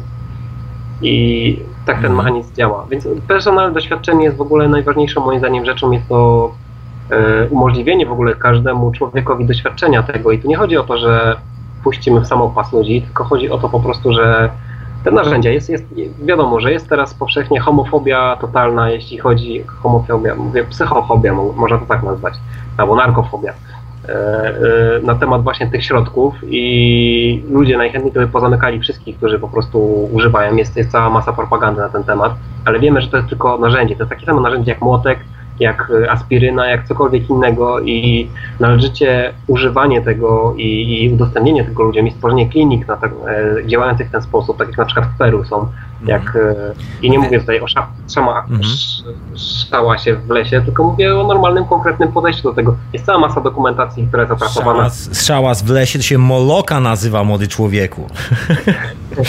Tak więc, no bardzo. więc są ludzie, którzy w ten sposób też podchodzą do tego i to jest okej, ale Rozumiem, o co ci chodzi, że, żeby Tak. stworzyć po prostu taki, e, taki helpdesk dla, żeby nie robić tego po prostu po wariacku, tak jak e, no, jesteśmy zmuszeni w dzisiejszych czasach robić, że dealujemy sytuację kompletnie nielegalną i zamiast jakby zająć się sobą samym w tym momencie, to e, gdzieś w naszej głowie ciągle ta myśl, że to jest nielegalne, że ktoś może nas złapać, to ona ciągle jakby wyrywa swoje kawałki rzeczywistości. I to jest Tak. bardzo jakby toksyczna sytuacja.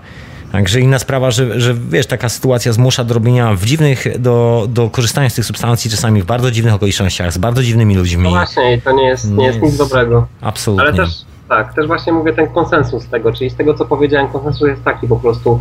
E, jeśli chcemy mieć bardzo szybką rewolucję na całym świecie w duchowości, to właśnie psychodeliki, enteogeny przede wszystkim, najlepiej pochodzenia roślinnego, to jest właśnie coś, co tak szybką rewolucję po prostu w świadomości zrobi, że, że to po prostu przemieli ludzi, prze, przepolaryzuje tą planetę. To mielmy ludzi, słuchaj. To mielmy. To róbmy Tak. to. Jak Dokładnie. każdy doświadczy, przede wszystkim pierwsza zasada, pierwszy strach, który znika, na przykład doświadczenia ayahuaskowe, śmierć. Okazuje Tak. się, że nie jesteśmy, jesteśmy czymś więcej niż ciałem fizycznym, e, co mówił już e, Monroe w swoich pracach, e, w podróżach poza ciałem. I e, to jest strach, na którym jest bazowane strasznie dużo różnych rzeczy, ponieważ ludzie uważają, jak jeśli żyją tutaj ten kawałek czasu, to będą inwestować na giełdzie, żeby szybko mieć fajną chatę, pożyć chwilę i później iść do piachu. Wszystkie choroby, dużo rzeczy, cała, cała psychosomatyka zresztą się opiera na lęku też. Ludzie e, grają te różne właśnie scenariusze kontroli, że nie mają tej energii. Cała, cała ta, całe to nasze ego opiera się w ogóle też śmierć, okiełznanie śmierci, okiełznanie tego lęku jest w ogóle i personalne doświadczenie. Nie to, że ja teraz będę opowiadać, mamy całą masę książek i wizjonerów, którzy przeżyli śmierć kliniczną i już wiemy, że to nie jest, ale personalne doświadczenie daje milion razy większy spokój niż jakiekolwiek pismo czy gazeta, ponieważ to jest... To prawda. No. No nie jesteś w stanie temu zaprzeczyć, po prostu przeżyłeś to i nikt ci nie powie metodą argumentów, że to nie ma, nie ma racji bytu, się nie wydarzyło albo po prostu nie istnieje, bo przeżyłeś to i to jest coś, czego się po prostu z twojej duszy już nie wyrwie. To jest Tak. to elementarne doświadczenie, które transformuje nas e, indywidualnie, e, a nie z zewnątrz, bo jakby czytanie Czytanie opisów jest zawsze czytaniem opisu, to nie jest doświadczenie, to jest zbieranie informacji, a nie ma to nic wspólnego z doświadczaniem. No jasne, że tak. Tym bardziej, że ja uważam, że psychodelik, osoba, która jest, po- podlega e, psychodelikom typu właśnie LSD, e, grzyby psylocybinowe, to jest osoba, która jest tak naprawdę z przyszłości. Jej umysł działa po prostu w taki sposób, dostrzega takie rzeczy, potrafi mieć taką klarowność myślenia, którą my nie mamy na co dzień po prostu i mówi się o poziomach świadomości. Ten poziom świadomości, który jest naszym codziennym poziomem świadomości, przede wszystkim nie jest najwyższym poziomem świadomości. To jest nasza następna lekcja. E, Znamy alkohol, który obniża poziom świadomości i nie znamy wyższych poziomów świadomości. Istnieją takie, cała masa wyższych poziomów świadomości i to są proste rzeczy.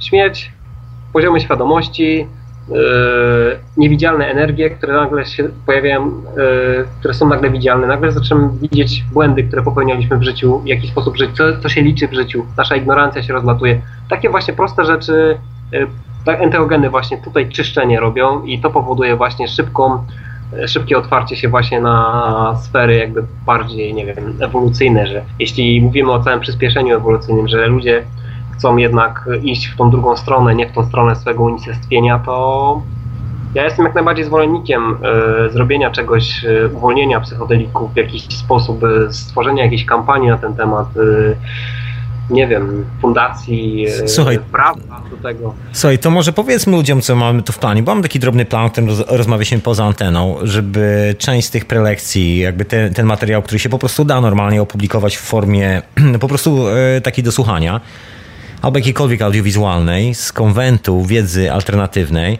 że się pojawi po prostu w radiu na fali. Oczywiście, tak. Będziemy to nagrywać, wszystko, e, co, czego się nie da kamerą e, ruszyć, więc jak będą jakieś fajne rzeczy, postaramy się tutaj wyemitować. A jeśli chodzi o kwestię enteogenów, to też e, będziemy mieli na konwencie Kubę Babickiego, który na pewno coś tam też o tym powie. I z tego, co jeszcze widziałem, to jest jeszcze Wojtek Więcąkowski, który też będzie przedstawiać e, tematy właśnie związane z enteogenami na jakiś e, e, już zobaczę to dokładnie, jak to jest wpisane w planie, ponieważ już go tutaj mam przed oczami. E, Doświadczenia enteogeniczne, dynamika doświadczeń w pracy z roślinami, e, nauczycielami na wybranych przykładach, czyli będą przykłady e, osób, które miały różne kontakty z tymi rzeczami. No, brzmi rewelacyjnie. Myślę, że myślę, że to jest chyba najlepsza robota, jaką można aktualnie robić, to zbijać ten strach, e, tworząc coś takiego jak masę krytyczną ludzi, którzy się po prostu nie boją tego, że umrą i że nie będą mogli zabrać ze sobą do trumny swojego nowego BMW, e, czy jakoś tak po prostu. Dokładnie. Także z- no ja dziękuję stra- szalenie za rozmowę. Strasznie nie przytrzymałem. Przepraszam bardzo, że tak w ogóle. Ale mam nadzieję, że. Bę- Będzie dobry sen. Dokładnie. Tak. Słuchaj, e, właśnie na koniec, jeżeli można cię poprosić, ostatnią rzecz sobie, bo w Radiu na Fali robię tą historię, z, e, czytam sny po prostu słucha, słuchaczy, mam już od słuchacza tam zdaje się na skrzynce czeka jeden sen. Ja to robię w wieczorowej porze, czy już audycji jakby zupełnie później po hiperprzestrzeni, ale jakbyś mógł wyjątkowo, jeżeli masz jakiś ciekawy sen, wrzucić swój sen. To jest... e, Ja mam, ja mam taką koncepcję, no nie jest mo- moja oryginalna koncepcja, o to, że jak sobie opowiadamy sny, jak dotykamy nawzajem e, tej części swojej osobowości i nie boimy się tego robić, to zaczynamy widzieć w siebie więcej ludzi niż e, kiedy rozmawiamy o przedmiotach. Wiesz, wszyscy rozmawiamy o filmach, wszyscy rozmawiamy o przedmiotach, wszyscy rozmawiamy o e, de facto właściwie, no można tylko powiedzieć, o takich konsumpcyjnych rozrywkach, o tym, co skonsumowaliśmy. Tak. Wiesz co? Jak najbardziej. Mogę ci wrzucić jakieś To sny ja i poproszę. Przez jakiś czas prowadziłem dziennik snów online, więc mam je nawet online te sny i nawet mogę ci teraz je wrzucić. Jakbyś To ja chciał. poproszę, Mam ja, ja poproszę. Bo ja tu teraz- wiesz, no, tak, jak, ja- jakby w opozycji do tego, e, do tego myślenia jakby światem, wiesz, który należy skonsumować, czyli gadaniu o tym, co ktoś wypluł, napisał, powiedział, e, nakręcił i tak dalej. Wiesz, powiedzmy, co się dzieje w naszych głowach. To jest klub programu. Tak więc e, ja ci wrzucam teraz sen, który był dla mnie dużym wow i jest to świadomy sen, który właśnie w Astralu odbyłem i już teraz wrzucam ci do niego linka. Wow, nice. Nice. Ja ci wrzucić tego linka. sobie w, wklej go po prostu na radio na fali, to wszystko, e, Aha, na Skype'a. Wkleję go tutaj na Skype'a, tak. Dobrze. Dokładnie. Już, już to robię. A ja też chciałem właśnie też jeszcze raz zaprosić w ogóle wszystkich na ten konwent, y, który właśnie się odbędzie 7 16-17 sierpnia w Gdańsku i zaprosić Was na stronę, na konwentfraktalna.pl, nawet jak się wpisze fraktalna.pl, to tam można odnaleźć y, konwent. No i, i dziękuję Wam wszystkim za, za to, że byliście słuchaczami dzisiaj i słyszeliście to, co tam opowiadam o konwencie i nie tylko. Ja tu będę starał się ściągnąć ludzi, którzy tam u ciebie są na konwencie, żeby wpadali czasami na rozmowę do radia na fali. Wiem, że nie jest to łatwe, bo każdy ma swoje zajęcia w życiu, ale będziemy starali się nadrabiać, żeby Jasne, puszczać tak. się to świat i żeby ten strach był e, coraz mniejszy, żeby w ogóle zniknął, żebyśmy przestali się bać, a zaczęli się po prostu na defaulcie, bez żadnych uwarunkowań, po prostu lubić i akceptować. Tak zwyczajnie. A, bardzo super, więc y, tak, już mam, już go znalazłem, więc y, tak, wklejam. Dobra, to wkleja. Ja go później przeczytam na wieczorowej porze. Dobrze. Dobra, to ja dziękuję serdecznie jeszcze raz e, za kurczę, długą obecność. Dzięki za w ogóle za czas, który poświęciłeś. Także peace and Dzięki. love, man. Życzę, ko-. Życzę kolorowych snów. Jak masz jakiś sen, to podeślij jakby coś na radio na fali. Możesz normalnie na maila wysłać, ja to i tak czytam anonimowo, także spokojnie. O, super. Dokładnie, także ta akcja sen cały czas trwa. Także dziękuję jeszcze raz. No mam nadzieję, że się niedługo zobaczymy. Trzymam kciuki. Bardzo chciałem być e, w Trójmieście akurat po to, żeby właśnie odwiedzić konwent i w ogóle być na konwencie, ale anyway, w tym roku się nie udało. Trzymajmy kciuki za następny rok. Ja i tak tam e, pewnego dnia przyjadę. Jak nic. Do zobaczenia. Pa. Do zobaczenia. Na razie trzymaj się. To był e, Tomek Gruba, organizator konwentu e, wiedzy alternatywnej w Trójmieście. Słuchajcie, wszystkie informacje na ten temat są, są e, pod banerem, który znajduje się nawet na stronie Radia na Fali, radionafali.com e, i nazywa się to fraktalna.pl. Tam jest więcej informacji, bo tam jest, są też materiały z poprzednich konwentów i tak dalej, i tak dalej. Dużo tego. Polecam wejść na stronę i ją naprawdę solidnie spenetrować. Najlepiej jutro, po spacerze albo przed spacerem, bo jest piękna pogoda, także czasami warto wyjść z domu. A my tymczasem kończymy tą e, hiperprzestrzeń. Dziękuję szalenie za telefony. Strasznie pozdrawiam e, taj e, Pichonta i Rafała, którzy dzwonili. Dla Rafała e, debiut troszeczkę taka lekka trema, jak to napisał, ale brzmiało naprawdę ok, także wszystko jest ok. Słuchajcie, to było tyle na dzisiaj e, w hiperprzestrzeni. Zapraszam Was za tydzień. Jeszcze nie powiem, co będzie, jeszcze nie powiem. I zapraszam Was oczywiście do Teorii Chaosu Michała, która się odbywa w piątek godzinie 12. I zapraszam do Pichontarium, które jest nieregularnie, ale jest niesamowite. A właśnie a propos tych lęków, to zapraszam do Pichontarium i trzech części na temat ayahuaski. Słuchajcie, to pozbawi was e, kilku lęków, jeżeli sobie tego posłuchacie. Przynajmniej taką mam nadzieję. Zapraszam też e, do etykiety zastępczej księcia Edwarda, która już regularnie już nawet do ściągnięcia jest ostatnia, także polecam bardzo serdecznie. Tam jest o Nowej Zelandii, o w ogóle perturbacjach w życiu. Jest niezła historia, słuchajcie, polecam bardzo, bardzo mocno. E, no i oczywiście zapraszam w, do swojej e, serii o nazwie Synteza o szalonych naukowcach i niesamowitych wynalazkach. No i w ogóle do Archiwum Radia na Fali. Także peace love, kochani. Dziękuję bardzo za słuchanie. Pozdrawiam wszystkich mecenasów sztuki falowej, którzy wspierają to przedsięwzięcie, dzięki któremu możemy skraszować ten e, nieszczęśliwy strach, który gdzieś tam w nas zamieszkał cywilizacyjnie, nie wiadomo skąd. Peace and love, kochani. Także dzięki i zostańcie na wieczorową porę, jeśli jeszcze nie idziecie spać. A słuchaliście Histrzeni w radiu na fali retransmitowanej też w radiu Paranormalium. A mówiłem do was ja, Tomek. Tada!